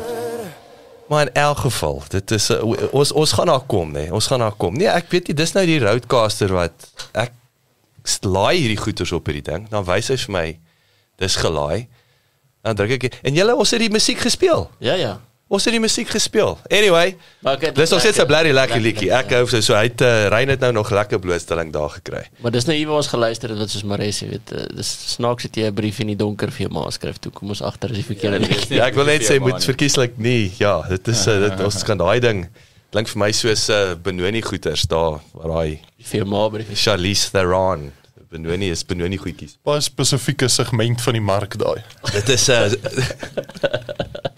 Wat is daai wat noem hulle daai area? Wat is dit Boknaaipan? Ja, ja, ja. Dit is nie 'n is Boksburg Nigel En Brakpan. Brakpan nee. Ja. Dit is 'n dis maar dit ons moet erns dink ek um 'n show daar gaan doen. Dis regtig 'n interessante ek wil nie op 'n tangent gaan nie. Maar dis 'n verskriklike interessante wêreld daai en ek voel baie entrepreneurs Baie. en super suksesvol Baie. entrepreneurs, nê. Nee. Kyk, ons spot Julle altyd is met daai ouens dan kom jy agter maar Ja, ja, hulle Dis- spot met ons, ja. Ja, ja hulle hulle lag, wie lag eintlik? Ja. Maar uh, maar ons moet 'n bietjie daar op 'n stadium dink ek unpack, ons moet hierdie areas unpack. Ja, ek sal net een positiewe ding sê en dit is ek my belewenis van ek kan maar veralgemeen maar baie Oosrand mense met wie ek teekom is baie real. Straightforward what you see is what you get. As daar issues gaan jy dit hoor. Jy gaan dit redelik ek hou van dit. Dis 'n baie real tipe. Dink jy by ons is is al klaar so 2 3 4 ekstra lagies. Ag, dankie Marie, ek, ek waardeer Ja. Ernest is, is van Boksburg. Ja, waar? Sê sê hy, ek hy claim dit. Dis terug. Hoor nou jou maar. hè. Goed, ehm um, vandag uh, praat ons bietjie oor 'n plaaslike afleweringsdiens. Jy sien nou al hierdie uh, motorfietsse en toektoeks wat hier staan so rondry en baie shops het 'n delivery service. Mens het gewoonlik was dit mos nou altyd net die pizza shops, nê. Nee. Mm. En toe ehm um, word dit nou uh, wat was volgende? Toe take a lot en so het nou redelik of Mr Delivery Ja, maar delivery Ja. uit die mark oopgemaak, nee. nogal Ontsluit, ja, ja. en en om kos af te lewer en goed en toe kom uh, Take a Lot nou en hulle het nou hulle eie brand, hulle merge met uh, Mr Delivery en uh, veral met dat hulle COVID. dit nie Mr T genoem het nie. Dis dis dit a Lot, ja. Hulle het- ja, nou het hy mos Sakke vol. baie betaal vir Mr Delivery. We've got 18 delivering your packet. Ja. Sorry. Ek dink die, die die punt wat my fascineer en waar dit 'n uh, bespreking is van 'n regse aard is die strukture wat hierdie ouens dit doen. So wat ons nou eintlik het is ons het die gewone handel, dis maar seker kom ons sê maar die algemeen retail level, dis iemand wat iets op die final end consumer wat iets koop. En nou is daar 'n uh, winkel, 'n vendor wat die ding nou na jou toe bring. Maar wat my baie fascineer is altyd die model waarin die ouens doen. Ek kyk sommer nou die Uber model is nou al klaar iets wat 'n bietjie meer elke het, doen bietjie sy eie ding. Hy is nog steeds op die Uber app en hulle kies jou pryse en jou margins en reels en sulke tipe goeders. Maar hulle gee natuurlik ook vir jou 'n goeie geleentheid want sonder hulle kan jy niks doen. Jy gaan jy maar net daar in jou Corolla sit in die parking lot. Maar met hierdie deliveries wonder ek baie keer dis altyd 'n so gesentraliseerde model. So daar's iemand daarbo en daar's 'n company en hier's nou 'n klomp ouens wat vir hulle werk en wat ek wil daar 'n bietjie behoefte voor is en dit is vir my interessant wees om om dit bietjie rond te gooi is is daar nie ander maniere wat mense sulke groepies bestuurders kan groepeer en bemagtig en toegang gee tot 'n mark waar hulle bietjie meer selfstandig en autonoom kan funksioneer as net om 'n job te kry en jy kry nou 'n bietjie kommissie dalk of 'n Is hierdie Uber vakbond wat jy gedagte het? die die 'n 'n grand scheme. Wel, uiteindelik is dit om 'n bietjie die die gedagtes van die dag te uit te daag. En sê dat dis lekker om te sê kyk hoeveel mense is op Uber en Uber bemagtig baie mense en ek's vir dit. Ek gebruik Uber en ek hou van die van die model. Maar ek sien nou byvoorbeeld, ek wil nie eintlik name noem nie, maar ehm um, sê maar net liewers dat daar's meer en meer ehm um, groot supermarkgroepe en so wat nou hulle eie delivery services en goed het. Nou is daar ander maniere wat mens dinge kan doen veral in Suid-Afrika. Ehm um, co-ops. Nee, uh, dis 'n bietjie van 'n obskure ding wat baie min mense eintlik van weet en dis ook hoekom ek graag daaroor wil praat. Dankie Um, Umbo. Dis koffie Thank you for the tyd. great coffee boy, this is going to be amazing. Thanks brother. Is 'n koöperasie, 'n co-op cooperative, ehm um, is 'n vorm van besigheid soos wat jy 'n company of in die ou tyd 'n BK kon registreer, is 'n 'n koöperasie vorm 'n besigheidsentiteitsvorm. Ja, snaaks genoeg ek het nooit geweet voor ek en Marie begin gesels dat dit dit eintlik 'n vorm is. Ek 'n koöperasie Ons al dink dit is 'n landbou ding. Ja ja, ek wil weer terug in die agri gaan. Weet jy het altyd gepraat van jou ons gaan na die koöperasie toe. Mm. Weet eintlik is die koöperasie is eintlik 'n besigheidsentiteit. Dit het niks te doen met jy gaan koöperasie toe nie. Dit was koöperasie eintlik. En miskien moet jy dalk net dalk kon staan gou stil daarso maar hè. Verduidelik vir mense wat is 'n koöperasie? Want ek dink nie almal verstaan ek het dit nie verstaan nie. Nou verstaan ek dit want soos ek sê dit is weer eens daai as mens praat van 'n woord. Ons het altyd gesê in die platland, ons gaan gou 'n bietjie Ja, koöperasie. dis dit kan net 'n boer ding wees en dit is nie. Ek gaan na die boer So, in so die koöperasie om in te die sê boerwinkel. ek gaan ek gaan bietjie PTY toe. ja, about nee. Wat's die Ja, dis, uh, limited? Ja. So ja, koöperasie sukses is 'n is 'n tipe besigheidsvorm en ja, dit is so dat die tipiese verwysingsraamwerk is die koöperasie op die dorp en dit is waar plaasgoed verkoop word en mense hoor altyd die boere skuld die koöperasie geld. Maar as jy agter gaan kyk in Europa en Noord-Amerika word co-ops gebruik om kruideniersware en kos aan plaaslike gemeenskappe te verskaf en deur entiteite wat die gemeenskapslede self 'n direkte belang in het daar te te stel en te stig. So ehm um, hulle in Kanada byvoorbeeld word co-ops gebruik vir behuisingsprojekte en jy kan ja, eintlik enigiets so doen. So as nou 'n bietjie kyk wat is die eienskappe van dit. Nou, Daai is fascinerend. Is daar best in class? Jy, jy praat nou van Kanada co-ops in behuising. Hoe lyk die ander is daar ander voorbeelde van verskillende industrieë waar waar ouens so uh, uh weet Met aan- ander vat ja. Wel ek wil jou sê ek dink twee groot voorbeelde wat ek kan ken is is Parmalat en Heineken. Is waar hulle die ouens wat in die verskaffingsketting is deel maak van die eindwaarde wat verkoop word. Want hierso val as jy rou materiaal verskaf dan uh, is dit elke keer 'n uh, faktor van die prys wat dit mee vermenigvuldig en hier op die heel einde is mos die grootste winste tipies nou, né? Uh, en nou die ouens wat die rou materiale verskaf wat dikwels die bloed, sweat en tears insit meer as die ander van die grootste risiko's en hulle kry die kleinste margins. So wat uh, in co-op strukture dan gebeur, sê nou maar companies soos Heineken, hulle weet ons wil graag by die boere uitkom. Nou hoe maak ons seker ons kry die ouens lojaal aan ons en En goeie kwaliteit consistency of quality, Ah. nee, dis die ander ding dat gee vir daai hulle skien in die game dat hulle nie hulle self eventually cheat met kort paaie en allerlei goed nie. Is maak hulle deel van die die voordele van die hele waardeketting. En nou kan iemand wat aan Heineken weet graan verskaf kan deel hê in die wins van die bier wat op die rakke verkoop word. Nou daarso wat wat jy meen dit is dit is serious leverage vir 'n boer. Is daai is daai op internasionale vlak want dit is vir my fascinerend nou selfs met Parmalat en ek dit, dit sal nie Ah. Suid-Afrika wees nie maar daai is seker een van die beste voorbeelde nê wat die almal die melkboer word geneil. Ek bedoel as van daai melkboer wat ek weet hy hy word gemelk ja. Hy neek daai goed in die drein af. Maar dan kom jou supermark en sê o, oh, weet dis dis dis nie ons skuld ja, jy, jy maak die meeste geld. Actually dan is actually ons skuld. Ons Nou ons kry die melkboer jammer maar ons gaan ons gaan koop die melk in die supermark. Dis ook nie 'n keuse nie. Daar staan nie reguit van die boer af of hierdie Ja, kry en die jy, ek boer, wil jy het uh, sulke voorbeelde soos ek vat nou Arini, maar dis nou uit, uitsonderlik en dis weer jy het 'n distribusieprobleem. Maar die Ja, ou ja. die ou in Randburg kan nie by Arini melk Maar die koop nie. melkman het te veel moeilikheid gemaak want nou dis hoekom ons nie meer melk by die Jy sien hè, hy het te veel waarde by by toe- toevoeg. maar ja, so daai's daai's verfrissend, maar dis klink vir my of jy uitsonder op die reël wat jy hande letterlik ja. formeel hande vat met jou waardeketting. Hmm, ja, en dit is As 'n supermark, design. nee, maar wie initieer dit? Wel, dit dit hang af. Ek meen dit hang af wie die inisiatief neem. ek sê, ehm, maar dit so- dit klink of die handelsmerk maar dan die bietjie Ja. meer moet winsdeling doen. of Ehm um, so om dit uit te rol gaan 'n strategie vat, maar ek meen sê nou maar jy soos Heineken en jy kan en jy het 'n spesifieke behoefte en jy sê hey, ek wil my waardeketting integreer, maar ek wil nie 500 plase gaan koop nie.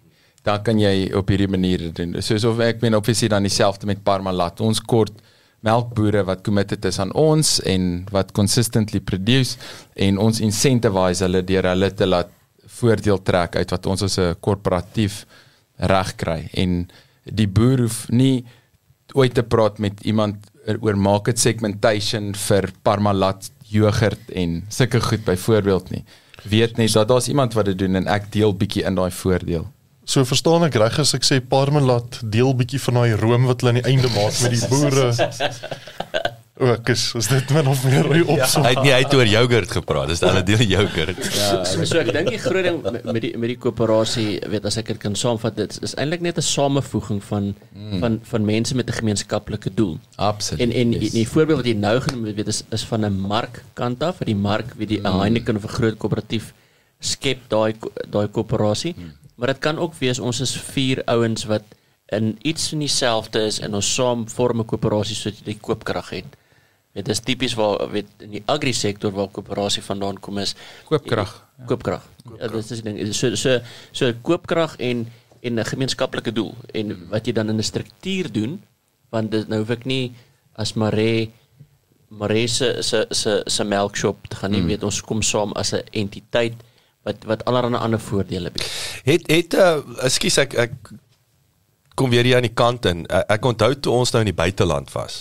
Toe toe kom hierdie co-op modelle wat daar was ook incentives, maar ek het die idee gekry dit is nou weer gemelk gemelk vir die weet op die verkeerde manier, nê, nee, wat ouens kon computers of ek dink dit was 200 000 rand wat die regering vir jou gegee het, jy moet 5 ouens gewees het of so iets, nê. Nee, dit dit lei dit 'n klokkie, is ek reg? Ja, daar's so so dis ek dink dis ook hoekom dit vir my baie relevant is om oor te praat. Wel is dit so 'n bietjie van 'n obskure ding. Is dis regtig belangrik om te weet dat ons regering se amptelike planne en beleid vir die toekoms uh, waantoe hulle dinge druk is baie baie gesentreer om 'n co-opie, yes.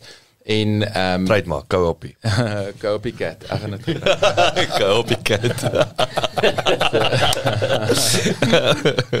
Uh, ja, so dat ehm um, dat daar is baie ehm um, subsidies en grant schemes in ons uh, land spesifiek waar as jy 'n co-op kan stig want uh, daar's duisende co-ops geregistreer. Die suksesrate is um, weglaatbaar klein. Sien maar 2% of 5% max, jy weet van never mind survive, jy weet. Maar dis niks, dis nie 'n refleksie op die die krag van die model Nee, nie. nee. Dis nou weer daar's nou weer ander wat jy faktore. eerder kan vat as die krag van die model is wat gebeur met die suksesvolle co-ops.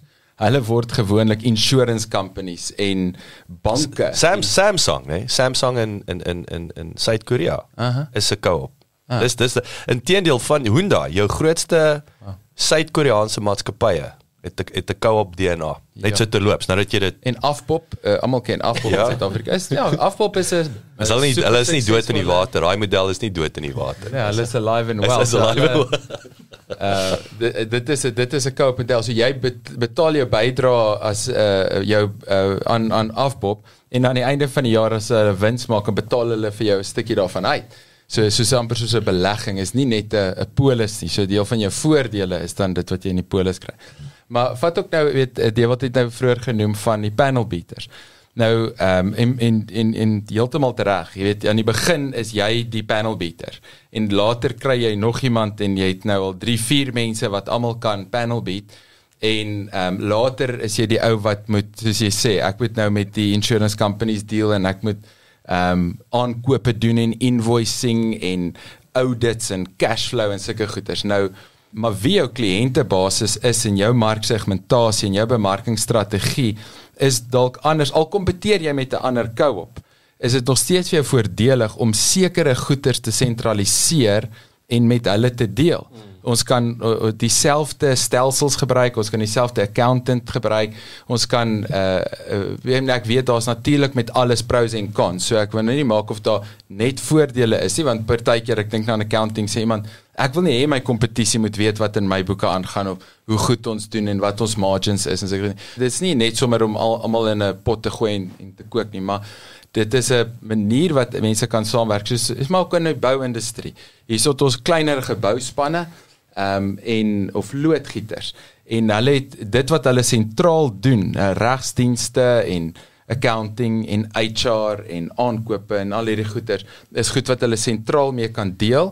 Hulle deel daai koste en hulle kan selfs sê dat ons sekere van ons inkomste ook met mekaar gaan deel om mekaar bietjie ehm um, uit te level met risk, nê? As dit dalk met my beter gaan as met jou. Nou dis goed dat jy sou ooreenkom. Dis nou nie in die standaard reëls nie, maar meen dit is maar net die tipe goed hoe mense mekaar regtig gaan ondersteun. Ek ek ek, ek, het al idees ons hier na hier nagesels daaroor, maar die die wat is daai winsdeling is is daai nie gewoonlik juist die groot dealbreaker nie. Wat is is, is ek altyd sê selfs waar ons saam werk. wat ons doen op 'n maand informeel. Ja, maar ons het dieselfde partykeer- teikenmark, maar nou skoor een ou want hy het nou low hanging fruit produk Ja, maar partykeer hoef dit dalk nie direk winsdeling te wees nie, maar dis dalk um, weet in hierdie geval het ek 'n overflow van kliënte of ek kry 'n agri kliënt wat wat nie my core is nie, niks is ek hand hom oor na jou en dieselfde doen jy dalk my fokus is dalk ehm um, panel beater, weet die die motorindustrie. So so so so help ons mekaar en ek is nie direk winsdeling nie, maar ek kry 'n agri kliënt ek sê maar hoorie ken jy my vriend Jock, weet hy doen ek weet hy doen hy's in dieselfde bedryf as ek. Um, hulle hulle kan hierdie en hierdie vir jou doen en so so deel ons ook want, want so weet ek jy gaan eintlik die kliënt beter diens vir omdat jou jou fokus is op agri. Jy weet en vice versa. Nie laat ek motorbemarking doen nie, laat ons net uh, as voorbeeld. So maar daai is is is ek wil sê in, in daapsig my kop werk so. So ek ek hou van kickbacks. En in in die goeie sin van die woord, maar ek wil die liefde deel. Ek wil ek wil juis ek wil incentivize daardie sê ek nie selfs ou wat vir my 'n ek het nou die dag het 'n het 'n groot handelsmerk my genader en sê o ons het vir jou die wonderlike kickbacks so sê ek vir ek's nie 'n kommissie hoer nie. Ons ons gaan nie ons gaan nie daai game ek ek maak my netwerk oop en die deur en dan kry ek iets nie. Ek, ek hou van julle handelsmerk dink is kan saam julle werk maar ons moet hierdie ding daar moet 'n wen-wen van dag 1 af wees. So julle gaan 'n bietjie risiko slash geldjie moet insit. Ek sal my tyd energie insit, nê. Nee. So die werk hy beter met daai winsdeling wil ek sê of is dit nie 'n uh, Maar kom ons sê kom ek stel dit so uh, uh, deur 'n voorbeeld te gee, nê. Ehm um, kom ons sê dat ons het ehm um, span paneelkloppers, panel beaters en ons klap saam in 'n co-op en daar's dalk in ons area, ons het die Pretoria paneelklopper Assosiasie. cooperative en um, dan het is daar die Johannesburg co-op en in Witbank is daar ook een, maar saam is ons eintlik uh, is ons sterker saam. So ons kan as ons goed wat ons almal aankoop, ons almal koop spraypaint. Ons kan dit kan ons cheaper kry. Alraai, so daar's nou eh, terug by voordele en goed. En allerlei goed wat ons sentraal doen kan ons nou ook saam deel. Maar met die goed, sê maar daar's iets wat ehm, 'n um, baie spesifieke ding. Daar's 'n 'n laser cutting service byvoorbeeld. Ek ek ken nou ongelukkig nou nie al hulle spesifieke behoeftes so goed nie, maar sê maar daar's een ding wat nou 'n baie duur masjien is mm. en ons gebruik dit eintlik net so een keer elke maand of een keer elke 2 weke. Maar dit is baie nuttig om dit te hê en ek moet nou gewoonlik nou hierdie ou in Roslyn toe ry en daai ou het nou hierdie en dan wag ek 2 weke en ek betaal hom altyd ekstra en hy's laat en hy is nie altyd so consistent nie. Kom ons almal saam maak 'n laser cutting 'n fasiliteit waar ons ehm um, custom goeders kan ontwerp en laat maak en so aan en En spesifiek vir die motorbedryf en waar ons want wat ons 'n spesifieke behoefte. yes vir ons behoeftes en yes. ons ons stig daai ding self ons befonds hom ons is die kliënt en ons kry 'n goedkoper koers waarteen ons dit self kry want ons sorg net dat dit kosprys maak die ding moet net skoon breek. En ons kan dit ook sommer mark toe vat. En as ander mense daai diens gebruik wat nie ons is nie dan doen ons dit teen 'n wins. En daai geld bring ons in. Of ehm um, as mense ook 'n uh, ander voorbeeld van van waar winsdeling kan wees is ons almal is boere wat sê net maar uitvoer en ons gaan die uitvoer funksie gaan ons sentraliseer en ons gaan kyk jy weet hoeveel tonne kan ons skuif deur die jaar na watse lande toe wat se beste pryse so jy kry volgens jou bydrae daar daar's 'n kakao op beginsels soos amper die commandments uh, wat fundamenteel is van wat maak 'n kakao op 'n kakao en een van die goed soos jy wat nou gesê het is die uh, gemeenskaplike doelwit maar dan een van die ander is die verpligting om by te dra. So daar's nie 'n free ride nie en jy kry altyd So jy het amper daai SLA's, daai service level agreements wat in plek is vir jou as as as co-op lid om te sê dis ons vir dis die standaard wat ons van van mekaar verwag. Hmm. En as jy dit nie haal, hoe maklik gooi ek jou uit? Wel daar's jy kan jy het 'n grondwet en jy het reëls. So, So as jy nie daai reël daai daai ding nakom nie, dan kan ek jou boet. dan dit is maar soos met 'n maatskappy waar daar's 'n Cooperatives Act en regulasies en jy kan die goed nou fyner reguleer met ooreenkomste en reëls en goeders maar so jy kan sekere reëls daar binne in hê en maar dit sal almal moet saamstem oor verstaan jy en as jy nie saamstem met daai reël nie dan word jy nie deel van die co So ek wil nou ek wil terugkom, ekskuus, hier is vir my baie belangrik want uh, die die ek wil terugkom na egskeiding van verlede week. Wat ons gepraat het, so jy gepraat oor koöperatiewe egskeiding. So as ons vir 'n co-op saam begin, want ons het nou hierdie behoefte en jy as Mare perform nie, jy breek haar reëls. Hoe maklik kry ons jou uit? Hoe maklik kry ons die terroris uit? Wel, dit gaan uh, ek ek dink mense gaan in daai opsig 'n bietjie moet, teruggaan na hierdie uh, wat ons laasweek oor gepraat het is dat jy maak maar vir jouself 'n pad uit, ook saam met jou pad in. Maar daar's byvoorbeeld 'n uh, oulike goed in die co-op wet wat jy kan byvoorbeeld 'n komitee opstel wat sekere funksies vervul, soos 'n oorsigkomitee 'n toesigkomitee want almal Dit is soos 'n board, dis nou maar soos 'n ja, board. jy het jou board of directors, maar dan het jy ook hierdie oversight committee. Okay. Wat kan amper soos jou soos 'n ehm, subkomitee tipe ding. Ja, en wat amper soos die ehm um, die ref is, maar dis ons bestaande uit ons lede. En so ons het ons eie referee wat ons mee saamstem en dit is ons hoef nie eers na buite noodwendig te gaan vir dit nie. Dit is so so, so jy kan nog as 'n paar sulke bietjie Ja, innoveer. net daai proaktiewe om om moeilikheid te voorkom. Ek wil nou sê 'n tipiese Afrikaanse styl, mm. weet al 44 uh, van ons is en ek weet wat jy sê, ons ons moet worst case anticipate, ons moet best case anticipate uit die uit die blokke uit. Maar nou werk jy lekker saam en daar's altyd 'n drol en drinkwater en dan sit vir alles daar geld betrokke raak en en en en hoe kan jy hierdie ou uitkry? Mm. Maar soos jy nou sê, klink vir my weer eens as jy die, die die nodige voorsorg tref. Jy die komitee, die oversight sê luister hier jy perform nie uit. Dis nie nou winsdeling en skuld jou dit en dat en Ja, ek ek dink die groot ding is soos wat ons laasweek ook gepraat het oor die egskeiding, het, weet dit moenie dis nie ewe skielik word ons wakker en hierdie ou se terroris en hy moet uit nie. Weet daar's dis hoekom jy kos nou met die koöperatiewe of die koöperasie grond weet jy, jy het hierdie reëls waarvan ja. almal werk, weet. anti-terrorism rules. Ja ja, so dat dat ons werk saam en en weet as jy aanhoudend hierdie reëls breek, dan word jy dis nie ons word eenoggend wakker nie. Dit ek dink dat as jy by daai punt kom, is daar al seker goed in plek gestel dat uh, tipies die ou se eie gang sal gaan. Of of ek dink en ek dink die die die beste prys is om daai uh, remediation stappe tussenin te neem te sê dat maar hoe maak ons dit beter dat dit nie tot daai punt gaan nie. Want gewoonlik is my emosie en ego.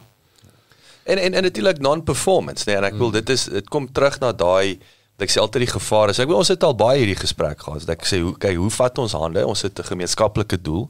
Kos vat hande, maar almal gaan nie op dieselfde vlak wen nie. Daar's natuurlik, ek dink as jy hande vat op sigself as jou eerste wen is hierso is breinkrag. Met ander woorde jy jy het amper daai mastermind komponent waar jy met 4 of 5 ouens om 'n tafel sit. Dit's bietjie slimmer. Ja, ons maak mekaar se netwerke vir mekaar oop en ons spaar geld. Hmm. Maar ons is daar om geld te maak en dalk kry jy net nie daai conversions nie want jy het 'n 3 keer produk of 'n langer sales cycle en dan raak ons ongelukkig. En sê dan vergeet hy actually van die byvoordele. Mm. Of die ander lede sê maar jy sit elke dag hierso en jy jy kry 3 kwart van die van die sales. Jy maak 'n miljoen rand per jaar as deel van ons koop. Maar dis nou dink ek waar die winsdeling weer inkom. en die en die en die proporsionele bydra. Proporsionele so bydra. Almal moet bydra, Yes. maar net tot die mate wat jy bygedra het, kry jy deel Uit. van die voordele Yes, ook. En yes. dit is waar daar baie goeie sin van regverdigheid So as daar in- in 10% kom. van die sales bygedra het, gaan jy 10% van die wins kry. Ja, so jy so so en, en, en wees net duidelik dat jy verskaf reeds en maak geld op jou kontrak en op jou werk. Maar daar's 'n bydra wat jy maak aan die co-op volgens wat jy ooreengekom het die hele bydra is en die koste van betrokkenheid. En daar So, maar dis 'n bare minimum. Yes, dit So ons is almal sit 'n 1000 rand in. Nou, of Ja. jy nou iets verkoop of nie, jy moet 'n 1000 rand. en ons lewer byvoorbeeld ons graan deur die co-op. Dit is ons commitment. En dan die hoeveelheid as ons deur die jare 100 kg graan uh, ver, uh, verkoop het. Ek het 10, jy het 50, jy het so so, dan gaan ons uh, uiteindelik van daai bietjie wat oorbly, ons wins in die co-op is dan hoe ons op daai basis deel. Ek dink die mindset is is belangrik in so 'n tipe iets. So as Jacques baie wen, maak dit nie dat ek verloor nie. Mm. Ek moet op die ou ende kyk, is ek beter af as wat ek was voor ek hierdie kou opgejoin Ja, het. Selfs al maak ek die minste meer as wat ek gemaak Ja, die minste het. in die kamer is ek nog steeds beter beter af as wat ek was voor. die tyd mm, en en nie te fokus op die groot wenner in die groep en en Yes. afgunstig te wees Dit daar. is super belangrik en ek dink dit is regtig die hart van hierdie hele gesprek Ernest. Jy jy is absoluut spot on want en dis ook waar ons begin het met wat is die tipiese model? Die tipiese model is ek het my company, ons het ons company, ons stel mense aan, ons gee vir hulle 'n geleentheid wat ons noem 'n job en ons betaal hulle salaris. Nou waar hierdie is is ons sit uh, strukture in plek wat mense bemagtig om met hulp en ondersteuning en leiding hulle eie ding te kan doen in hulle eie naam, maar deel te wees van iets groter en daai ehm um, corporate leverage te kan kry al is jy 'n paar klein outjies en jy hoef nie klein te wees nie, maar jy kan klein wees en jy kan jouself groot hou as te ware. En dan ehm um, wat ek nou nog nie genoem het nie is dat Het gewoonlik kry 'n maatskappy word al van bo af gebou het, nie maatskappy en dan hy subsidiaries en subsidiaries en sulke goeder. Daai piramide skema. Wel, ehm um, Egiptiese besigheidsmodel, korporatiewe struktuur. Maar dit is 'n uh, dis maar van bo af en ons koop nog iets, ons koop nog iets, ons bou uit en so en ja, is natuurlik ander voordele en jy word gekoop ook en so jy word dan weer net deel van 'n ander driehoek. Maar die co-op word van onder af opgebou. So jy het 'n primêre, sekondêre, tersiêre en 'n apex level. En dis nou tipies hoe dit nou sal wees of 'n voorbeeld daarvan is onder het jy sê maar in landbou nou of, of kos vat die delivery services. Onder het jy die drywers groepies. Hulle is groepies van sê maar 5 en meer. Hulle koop bike saam, hulle het insurance en hulle is almal saam op dieselfde app geregistreer en hulle noem hulle self ehm um, Boma at 21 delivery services en hulle subscribe nou op jou app. Nou is daar 'n paar sulke groepies. Saam as hulle scooters koop en so aan is dit vir hulle baie beter en hulle kry dit vir goedkoper en weer eens die support services is iets wat hulle almal in kan deel en dit maak vir hulle geen verskil nie. Hulle kompeteer dalk nie regtig met mekaar nie, as verskillende areas goed. Maar dan op 'n sekondêre vlak is daar miskien ietsie soos logistieke bestuur waar dit 'n bietjie meer complicated raak waar jy tussen een area en 'n ander ene moet aflaai. Jy moet wag vir sekere goed om te kom en dit wag weer vir iets anders en jy wil hierdie groepies wil be, moet bemark word en sulke goed. Nou daai is dit wat hulle almal saam uh, uh, op 'n sekondêre vlak 'n nuwe co-op kan stig. So hulle cluster die goed saam en word nou daar en almal het proporsioneel daar 'n uh, uh, lidmaatskap. Nou is daar 'n paar sulke sekondêre, ons sê, daar's die Pretoria en Johannesburg groep en saam is daar die Gauteng Delivery Services Co-op en in dit het hulle ehm um, doen hulle ehm um, navorsing en innovering en hulle uh, ontwikkel vir hulle nuwe tegnologie. Back office admin funksies ja. en dan kom ons terug wat jy nou sê van die mindset. Dit is absolute mindset. Gewoonlik die company is yes as ek 80 mense vir my kan laat werk dan maak ek geld uit hulle almal uit. Nou is dit meer as ek uh, groepe kan bemagtig kan ons saam meer bereik. En ek kan eintlik sonder om jou baas te wil word, kan ek saam met jou voordeel trek en eintlik leverage kry. So ek dink die unieke ding gewoonlik is as jy in 'n koop is, is jy deel van die groep. Jy's nie jy's nie die een wat dit afdwing of wat dit vir dit werk nie, is jy jy het ook voor jy het ook voordeel deur deel te wees van dit. So ek dink dis die belangrike ding is jy's jy's deel in beide van ons deel in die in die operasionele kant van ek is ook 'n paneelklopper en ek deel in daarin maar ek deel ook in die feit dat ons in die bokant weet ek ek, so ek, ek vat net weer die voorbeeld van my ek is dalk goed in finansies so ek kan dalk in die sekondêre kant kan ek sê ek goed maar hoe help ek ons almal hmm. beter finansiële cash flow te doen deur beter onderhandeling met die uh versekeringsmaatskappy so ek het 'n ander funksie in die sekondêre koöperatief om dit so ook te doen en ek weer eens dan moenie na my kyk en sien ook maar die voordeel wat ek trek nie ons almal wen wen. Weet en weet ek sê altyd in 'n hulle sê mos wat wat se spreekwoord is weet in 'n in 'n sea of rising tide all ships rise nê. Nee. in plaas van die weet die die die kreef met mitologie wat ons mekaar aftrek hoe bou ons mekaar op? Kom. Is is 'n simpel vraag. So hoekom 'n vakbond of hoekom nie 'n co-op versus 'n vakbond nie. Nou nou ek verstaan co-op as 'n geldmaak komponent, maar nou ja, so 'n belangrike vraag. Dit is 'n uh, wel iemand met die inisiatief vat en die leiding neem. En 'n vakbond is gewoonlik 'n groepering van mense wat klaar iets in gemeen het en tipies eintlik werknemers in 'n sekere industrie wat as 'n groepering saam staan en ehm um, bargaining power uit dit uitkry waar ehm um, waar die kou op sal wees. Ek dink nou aan 'n voorbeeld van mense wie ek ken wat in die timber industrie en bosbou industrie is. En hulle het spanne wat die bome saag. Nou hulle bemagtig daai spanne deur vir hulle hulle toerusting te finansier. Hulle doen vir hulle al hulle finansies. Hulle is hulle eie baas en um, hulle betaal hulle volgens wat hulle gedoen kry. Nou uh, hulle het klomp sulke groepies wat hulle so aan mekaar sit. Nou dit is 'n wen-wen vir die een wat daai behoefte het want jy hoef nie al daai verantwoordelikheid en risiko te vat sulke goed nie. Ehm um, ek net 'n het 'n laaste ding eintlik sê om om af te sit. Ek sien ons tyd is bietjie op, maar dit is dat ehm um, met met uh, uh, uh, veral met kruideniersware nê nee, en ons praat nou local deliveries en so aan in in Europa is daar um, ek dink dis nie net Europa nie maar ek weet nou van in Europa is daar hierdie kou op weet die shops se naam is om 'n kou op. En dan is dit ehm um, die plaaslike gemeenskap die buurt wat die plaaslike supermark besit. En die boere kan ook deel wees van daai kou op So nou het Lidl en Aldi, is dit nie co-ops in Duitsland? Dis mos jou twee grootste super ek seker is co-ops, maar nou dat jy dit noem. Ja. Maar ek meen dit is 'n heeltemal ander model. Wat het ons nou hierso? Nou het ons die plaaslike supermark in die in die buurt of 2 of 3 en hulle verkry die goed uh, uh, hulle staan actually saam met hulle soonlik deel van 'n franchise of 'n groot besigheid en hulle koop op groot maat aan, hulle voer in en hulle het al hulle uh, goed en en hulle maak al die geld. Ons almal spandeer elke maand uh, wel paar duisend rand by by die supermarkte en hulle kry dit uit ons almal uit. Waartoe gaan dit? terug in die in daai companies en ons ken hulle nie, ons weet nie wie hulle nie. Ons is net dankbaar hulle is daar en daar's iets op die rakke. Maar dis eintlik dan by design 'n uh, baie meer proaktiewe aanslag vir 'n gemeenskap. Natuurlik, dit gaan dit gaan werk vat om dit aan mekaar te sit en jy's glad nie gewaarborg van sukses nie. Ehm um, maar ons praat vandag in beginsel en konsep vlak dat ehm um, meen as jy wil bemagtig en weet hoe kan 'n mens uh, met goed wat eintlik elke dag verbruik word.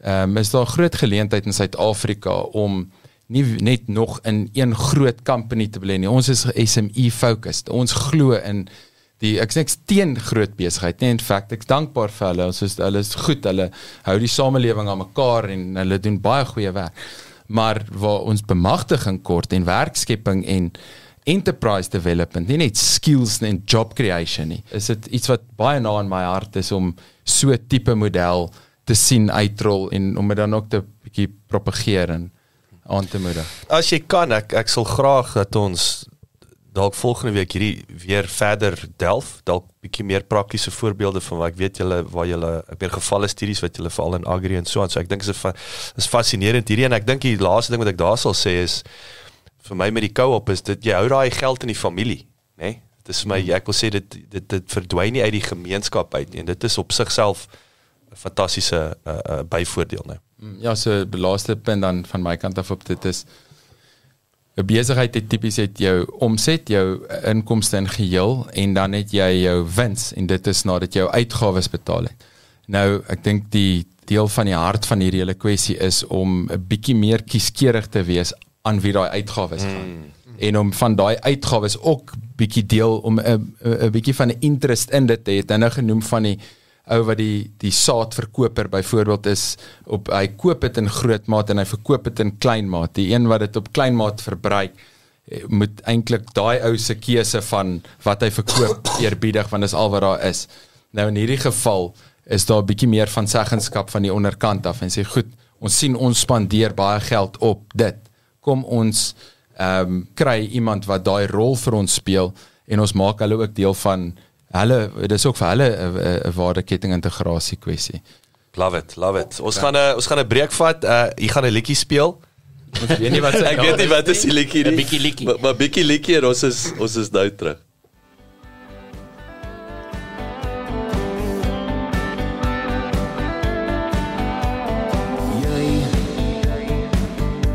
Ja, jy is my hart en jy is my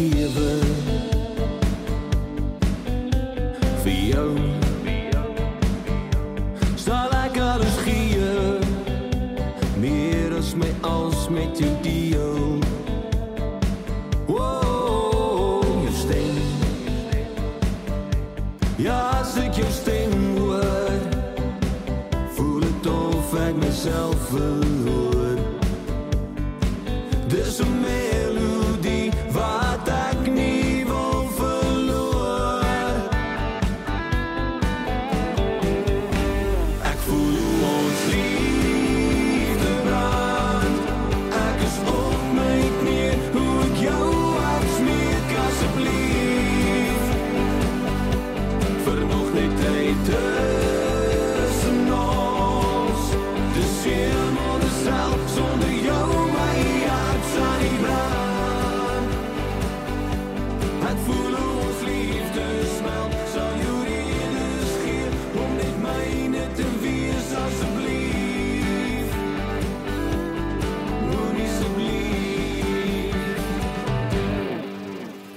Miskien as jy dit 'n kans gee,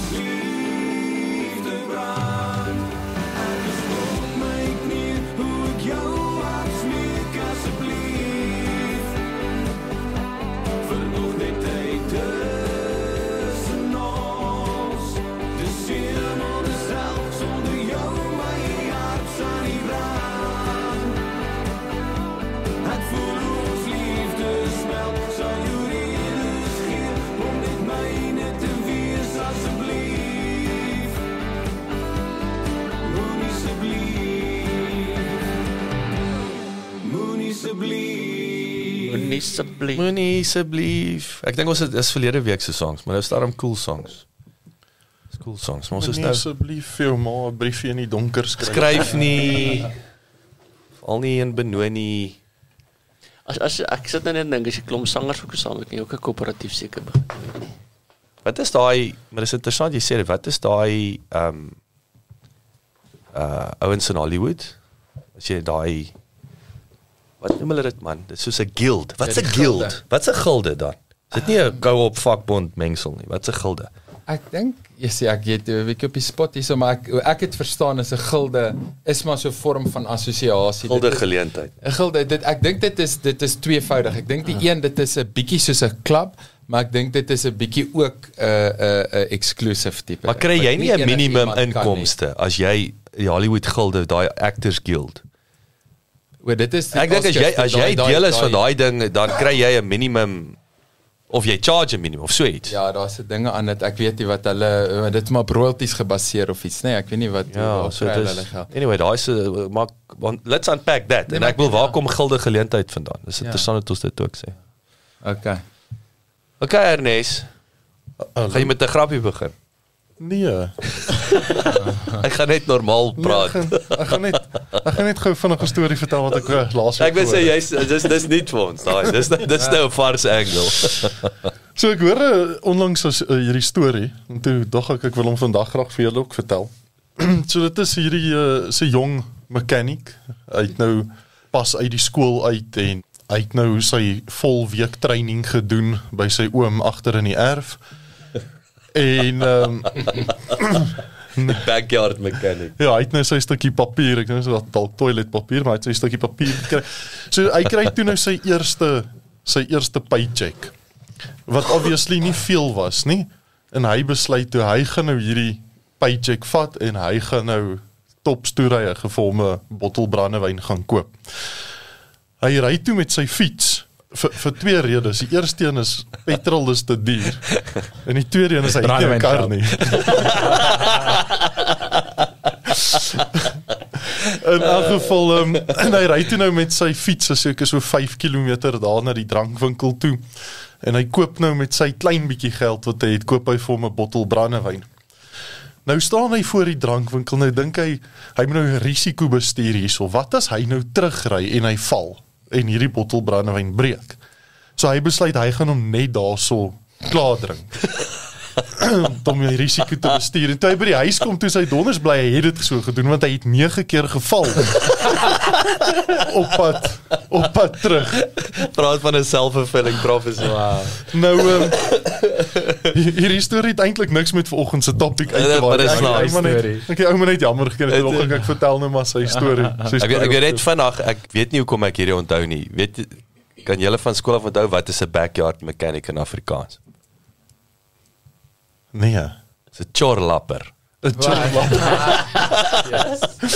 So Ja, ek het dis ja, is nie. Ja, ek hoekom ek dit onthou nie, maar Nee, elk ek- geval. Seker trauma of iets. Ek het dit nooit geweet nie, maar ek sal dit volgende keer gebruik in my storie. 'n Chorlapper.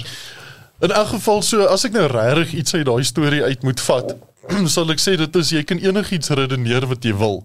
Jy kan nou redeneer dat jy dalk gaan val en dan die risiko bestuur deur om die brandewyn te drink. Want ons weet dit was eintlik toe nou die risiko gewees.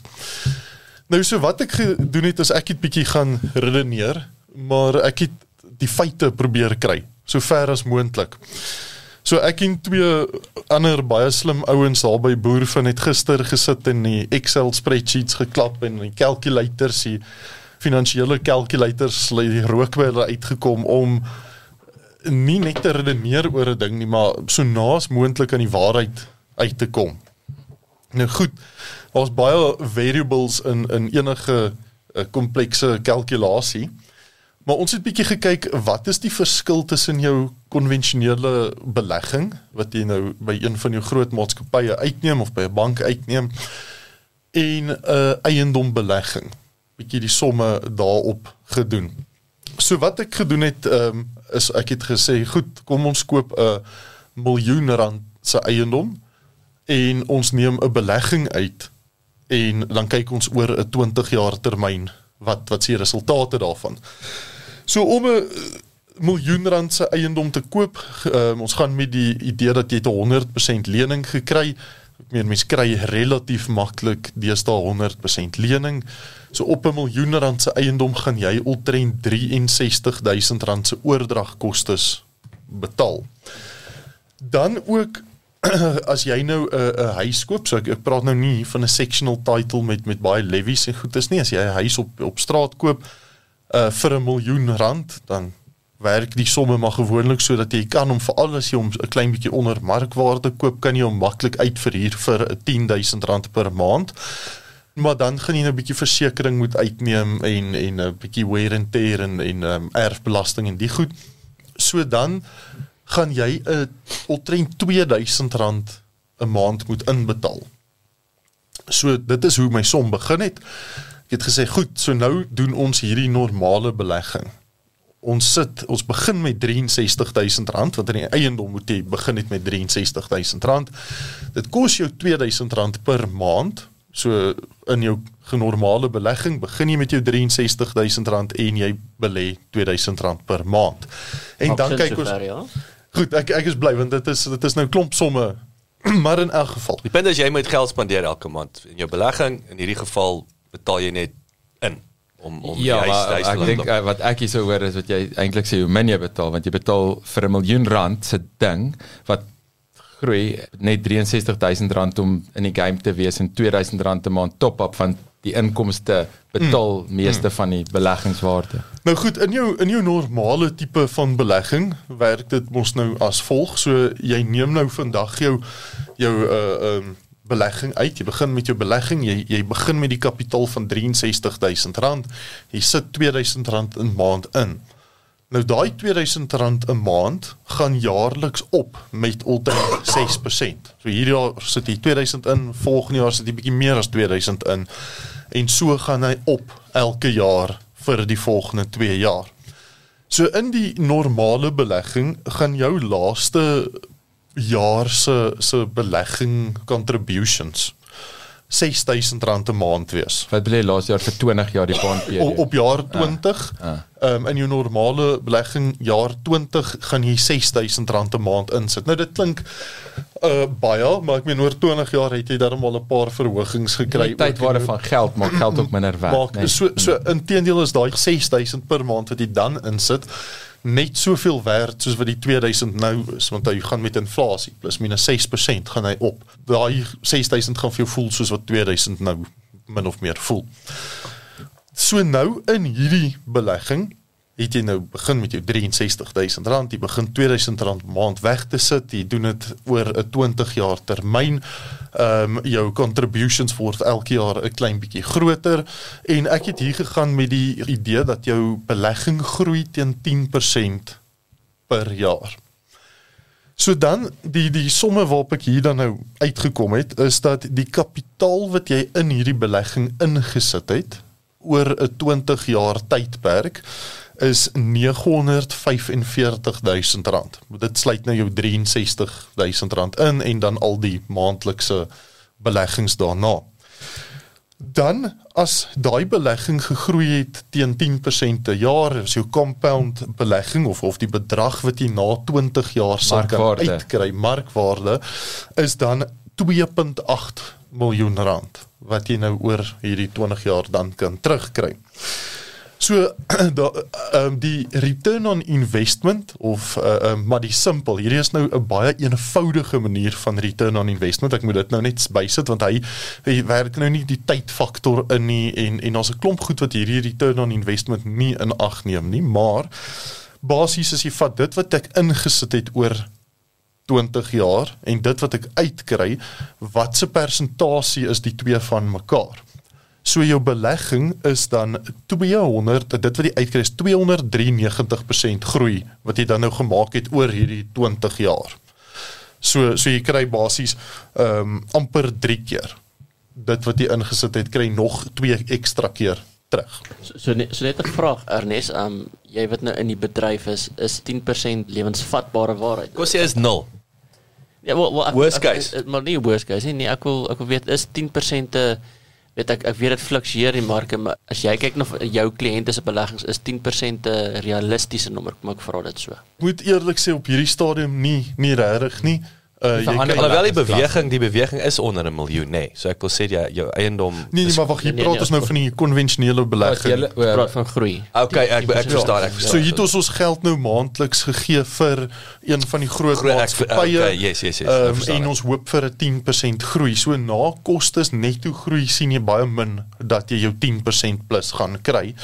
Is nader omtrent aan 8%. Ons het nou in die COVID tyd obviously gesien dat die goed het getank, maar toe in 1 jaar het dit weer met 24% omtrent teruggekom, maar dit was maar net net 'n correction geweest. So- dit is nie jaar op jaar. So mens gaan met die die feit dat oor 'n tydperk is jou average 10%.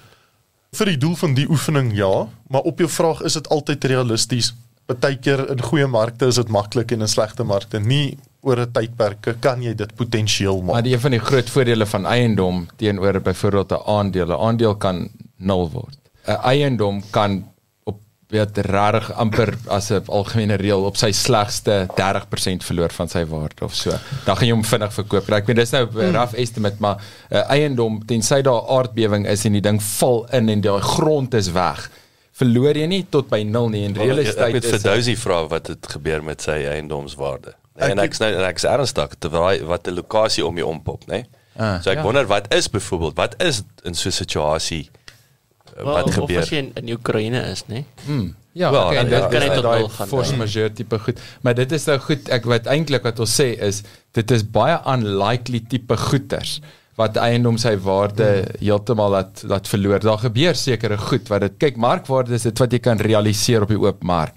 So dit is die eintlike prys van die plek. Jy weet so en en party plekke word omtrent onverkoopbaar, maar dit is hoogs uitsonderlik. Meestal as jy die plek vir 'n bietjie van 'n bargain verkoop, En maar meestal oor die algemeen groei eiendomswaardes redelik saam met die ekonomie en en soms 'n bietjie vinniger, nê, nee, net so titseltjie vinniger want Yes. real estate is skaars. En en as jy nou byvoorbeeld kyk die punt wat jy nou maak Marie is in in 2008 toe die markte hulle gat gesien het en en die eiendom veral markte hmm. Jou aandele het geval en sê maar met 50% uh, minder werd gewees na die crash maar jou drie slaapkamer huis het nie 'n twee slaapkamer geword nie. Mm. Uh, hy hy was nog steeds 'n drie slaapkamer Dit voel huis. vir my so met my banke. En ja, ja. en die, en die ander ding is toe toe huispryse geval het in 2008 en ek 'n huurder was, het my huur nie al 50% goedkoper geword nie. Uh-uh. My huur het dieselfde. Ja, so die is die huis waarin ek belangrike gebly het, het minder werd geword, maar my huur het dieselfde gebly. Ja, en dis ook ekonomiese omstandighede gewees wat die huisprys laat val het. So vir meeste eiendomsbeleggers is so iets eintlik jy praat nou van cream. Dit is nou creaming it. Dit is jy 'n buyers market. Absoluut. Iemand wat in daai tyd uh sê ons when the blood's on the floor buy property. Ja. Dit is soos dit is so solid ding. Die kans dat hy nie recover nie of nul word is, so uiters skraal. Ja. En en in 2008 was dit bietjie moeiliker want toe toe die huismark ge, getank het daai tyd het die rentekoers ook opgegaan hmm. en en jy moet moes geleen het teen 15 plus persent. Hmm. So die huispryse was laag maar die bank wou nie vir jou geld geleen het nie. Dit was moeilik om geld te leen. Maar later hier 2019, 2020, toe sien ons weer dat die die huismark het geval, maar toe wil die bank vir ons geld leen. Hulle het die rentekoers laer gemaak en hulle wou vir ons aggressief geld gee. Terug dan nou gou-gou by die by die ehm um, kalkulasie hierso. So ek voel dat as jou geld nou van 945000 af wat jy totaal ingesit het opgegaan het na 2.8 miljoen rand, dis nie 'n bad deal nie. Dis mm. dis definitief nie, dis nie 'n slegte belegging nie. Ehm um, Wat is jou huurinkomste? Daai daai is op, op hierdie op hierdie som. Ja, so daai is vir my die aantreklikste proposisie. Wel- wel, wat Kos wat hierso- sê jou huis groei nie. Kom sê dis 0. Dis ek wil sê as jy worst case in die in die fisiese bate, maar nou het jy hom afbetaal oor 20 jaar, maar daai huurinkomste wat met inflasie aangepas Wel nee, word. nie daai inflasie nie met eskalasie. So jy kan net Ja. toestem mm. wat gewoonlik 'n titseltjie ook uh, hang af, maar is baie keer 'n bietjie bietjie hoër as inflasie. Ja, so so die ideaal is om omtrent te werk op 1% van die huis se waarde. So op Per maand. per maand. So dit gee vir jou 'n 12% in oor 'n oor 'n jaar. Maar 7% is ook uh, nog 'n decent rule of thumb, nê. Nee. Ek meen as ek nou 'n bietjie 7% Maar nie almal alle eiendom is ewe verhuurbaar nie en nie almal Hmm. realiseer dieselfde tipe huurinkomste en sulke goed nie. Ek meen net om 'n fair deal mee ballpark ek kyk vat dan nie jou calculation aan nie. Ek bedoel Nee, maar net as jy nou vra wat's algemeen dan kan selfs 7% nog 'n decent benchmark wees wat 'n goeie return is op jou hmm. 7% per jaar is Ja. nog steeds 'n baie goeie inkomste op jou eiendom. So so wat ek dan nou op hierdie som gedoen het is ek het gesê ons koop 'n huis van 'n miljoen rand en ons verhuur hom uit teen 10000 rand 'n maand. So dit is nou die huurinkomste hierso. Ons hardloop mos nou negatief in in hierdie belegging. Ons het 'n 2000 rand wat, per maand wat ons uit die sak uit moet betaal. Dit kos ons bietjie geld vir die eerste ruk. My kalkulasies het vir my toe nou gewys dat elke jaar gaan jy jou huur 'n klein bietjie opstoot. So jou paaiement bly 10000 rand. Mm. Maar volgende jaar gaan jy jou huur bietjie opsit, so jou 2000 out of pocket gaan volgende jaar bietjie kleiner wees. En die jaar daarna kleiner en dit gaan omtrent 4 jaar vat dan breek jy gelyk. Nou in jou ander normale belegging het jy nou op jou 2000 rand al 4 eskalasies gehad. Waar wat is die teenoorgestelde van 'n eskalasie? Negatiewe eskalasie. so so reverse reverse eskalasie. Ja, so so jou out of pocket het in jou normale belegging elke jaar 'n bietjie meer geword. In jou in jou eiendombelegging het hy kleiner geword tot hy na 4 jaar nul was. Goed, so nou is jy nie meer out of pocket nie. Nou kry jy actually 'n bietjie geld in jou sak in. So hier's waar die waar die uh, kalkulasies begin triekie raak het. Eerste wat ek gedoen het is ek het gesê, goed, ons het hierdie miljoen rand se eiendom gekoop. Hy die eiendom se waarde die die kapitaal groei teen 6% per jaar. Dit is wat Absa fonds sê, eiendompryse plus minus meer groei. Ek voel as jy 'n uh, eiendombelegger is, moet jy op plekke gaan koop waar jy dalk meer as die daai average gaan average, maak. Maar vir die doel van die oefening het ek ge Absa se woord gevat en gesê, "Goed, kom ons gaan met hierdie 6%." So dit sê dan vir my dat die eiendom van 'n miljoen rand wat ek nie eers 4 jaar aan betaal het nie, se waarde gaan teen die dag wat hy afbetaal is, gaan hy 3.2 miljoen rand wees. So dit sit my al reeds 400 000 bo die die vorige belegging. Maar nou het ek ook inkomste getrek van jaar 4 af wat elke jaar opgegaan het en meer en meer en meer geword het tot en met jaar 20. So as ek daai maandelikse stukkies bymekaar tel. So of kyk, as ek nou hierdie kalkulasie vreeslik moeilik wou gemaak het, dan moes ek nou gesê het ek vat daai geld nog en ek belê dit nou in 'n konvensionele belegging in. Hmm. Maar um, dan dan het dit nou 'n uh, dalk 'n bietjie die doel verloor. Maar die ou die ou het te vroeg afgetree. Ja. so daai kom neer op omtrent 1.6 amper 1.7 miljoen rand se se maandelikse stukkies wat ons bymekaar opgetel het in daai 16 jaar tydperk. As ons dit by die som totaal gaan bysit, dan kom ons op 'n totaal van 4.8 miljoen uit.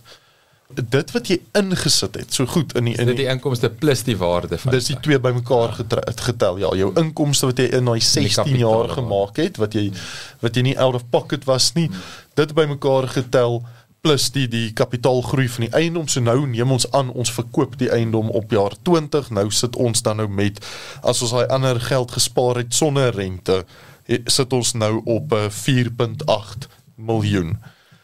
Dan die return on investment persentasie want onthou hierso het ons nou heelwat meer uitgekry as in die normale belegging maar in die normale belegging het ons 945000 ingesit in hierdie belegging het ons die afhanklike 63000 rand ingesit en dan nou 'n paar maande amper 4 nee, jaar se ja. se optop.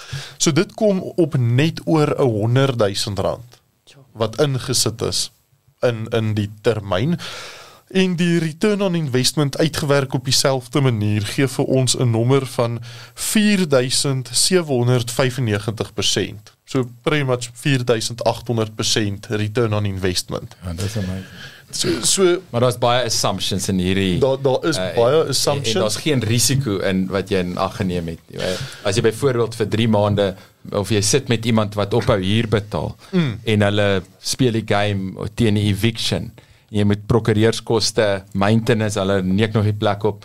En uh, uh nou moet jy hulle evict, jy kry nie daai geld terug nie. So daar's 'n ek ek vat niks weg nie, maak nee, nee, dit maar is, dit is, is die tipe goed wat maak dit. Is nie net um, en byvoorbeeld jy het 'n deposito op jou finansiering Uh, wel wel die finansiering goed, dit is die, 3, ja, die 63000 rand. So hierso het ons gewerk op op die oordragkoste nie Nee, dit is die oordragkoste. Ons het nie gewerk op 'n 100% lening. Ja, okay. Ja. En en 63000 is jou oordrag. Ek dink dit gaan nog steeds, jy gaan dit hmm. uit even. Dit gaan nie daai ding wegvat. Hmm. Ja, ek wil vir jou sê die groot geldhuise gaan ook nie 10% realiseer nie.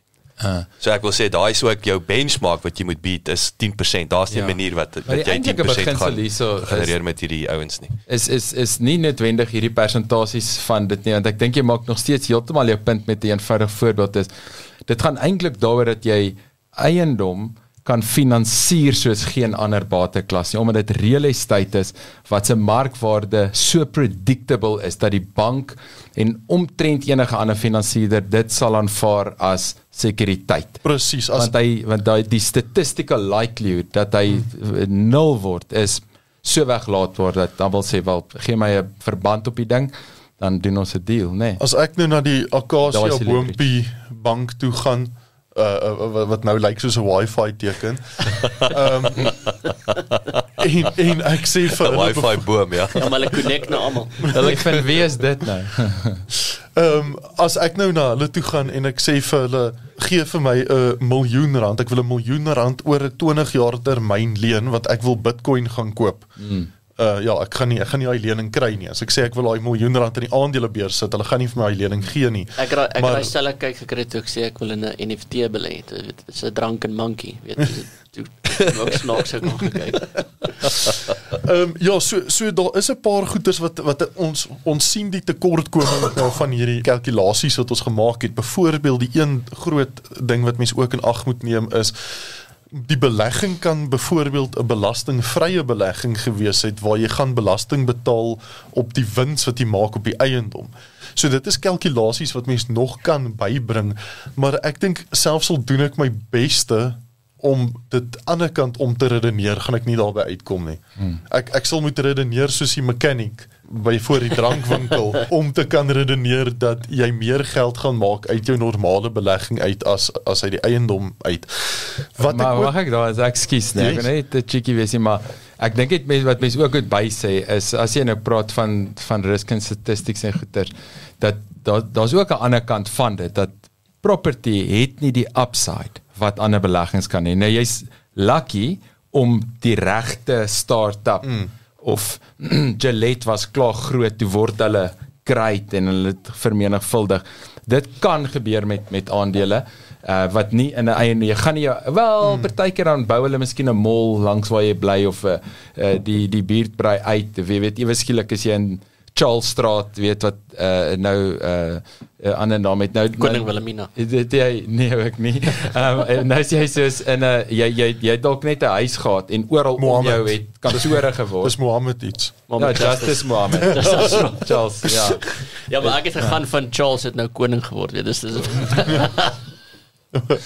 ja, want nee, ek weet dit so jy kry 'n geval of jy weet eh, by die ouens wat in Sandton uh, eiendomme gehad het, toe sê hulle oor jy ons gaan 'n goudtreinstasie hier bou. En jy het net 'n woonstel. Hier kom iemand en hulle bied jou crazy money aan. Maar maar die ding ook soos wat jy sê, 'n aandeel wat oornag 100% 2 3 400 1000% groei as jy by 'n groot maatskappy belê is jou portefeulje so gediversifiseer dat dit daai groei gaan afgewater wees deur hmm. 99 ander aandele. Ja. Of jy sou soveel risiko moes vat op uh, aandele wat dit nie bereik nie hmm. om by daai ene uit te kom. En dan is dit nie meer hierdie dan, dan is dit nie meer hierdie ja, son nie. Ja ja. 'n Ander ding wat ek ook net wil sê is is ek praat glad nie hierso die belegging sleg nie. 'n Belegging is hmm. altyd beter as om nie 'n belegging te maak nie. En ek dink daar's 'n plek vir al die verskillende tipe beleggings. So daar is def, eh, die een is definitief nie beter as die ander nie. Die een het dalk meer potensiaal. Maar nou moet jy ook vir jouself die vraag vra, is jy die tipe persoon wat 'n landlord wil wees? Hmm. Ehm um, is jy die persoon wat wat uh, daai bietjie risiko wil aanvat? Want uh, ons het nou gesê in die eiendom scenario dat jy was out of pocket 'n 100 000 Maar daai 100 kan vinnig 150 word as jy 'n paar maande nie 'n huurder in het nie. Ja, of jy of jy outsource die bestuur van die hmm. eiendom en daai bestuurskoste is so baie en jy dalk elke nou en dan moet jy groot maintenance doen en hmm. uh dit, so so ietsie ja. as as ek moet sê wat my al altyd my slotsom hiermee is en en die een ding wat ek wat ek graag sal wil oordra wat ek dink die 'n uh, uh, goeie idee is my advies vir verskillende mense sal verskillend wees, maar ek dink as mens 20 jaar of meer van aftrede af weg is, sal 'n goeie aanvleur tot jou aftreebeplanning wees om wel daai woonstel of daai huis te hê sodat jy op aftrede of of wanneer hy afbetaal is om potensieel kan verkoop en net 'n ekstra boost by kan wees by jou beplanning en en beleggings wat jy reeds in plek het. Dit kom terug by daai ding wat ek so 2 weke terug dink ek gesê het is as jy mense betaal omtrent 33% van hulle inkomste in huur in, soos ek 'n paar van daai mense kan kry om 33% van hulle inkomste in my aftrede in te sit. dan um, gaan dit my goue jare baie baie goud maak met 'n vermenigvuldigende effek want daai 33% betaal lening af ja. van uh, 10 keer uh, hoeveel keer ook al daai bedrag mm. en uh, 100 keer daai bedrag en dit is dan omtrent wat jy uiteindelik regtig opskoor dat uh, dit is 'n uh, jy uh, jy kry 33% se leverage ja op op iets groter nog ja so. presies en dit is dit is vandag se storie Fluit fluit jou stories. Dit was dit was lekker. Baie gee en dankie boys, dankie manne, is altyd uh, altyd lekker. Julle met 'n heerlike naweek hê. Dankie dat jy geluister het pas jouself op en uh, ja, ons is uh, volgende Vrydag is ons weer is dit weer sulke tyd. Arrivare. Ons sê ek sien uit. Dankie dat jy geluister het. Besoek asseblief ons webwerf by www.klipkouers.com. Teken sommer in sodat ons jou op hoogte kan hou. Baie belangrik gaan luister na ons ander potgooi reeks en episode op Spotify, Apple Podcasts of YouTube. Baie belangrik as jy hou van wat jy hoor, los asseblief 'n resensie sodat ander lekker mense soos jy van ons episode te hore kan kom. En kom volg ons op sosiale media. Besoek net vir Klipkouers op Facebook, Instagram, Twitter, TikTok en natuurlik LinkedIn.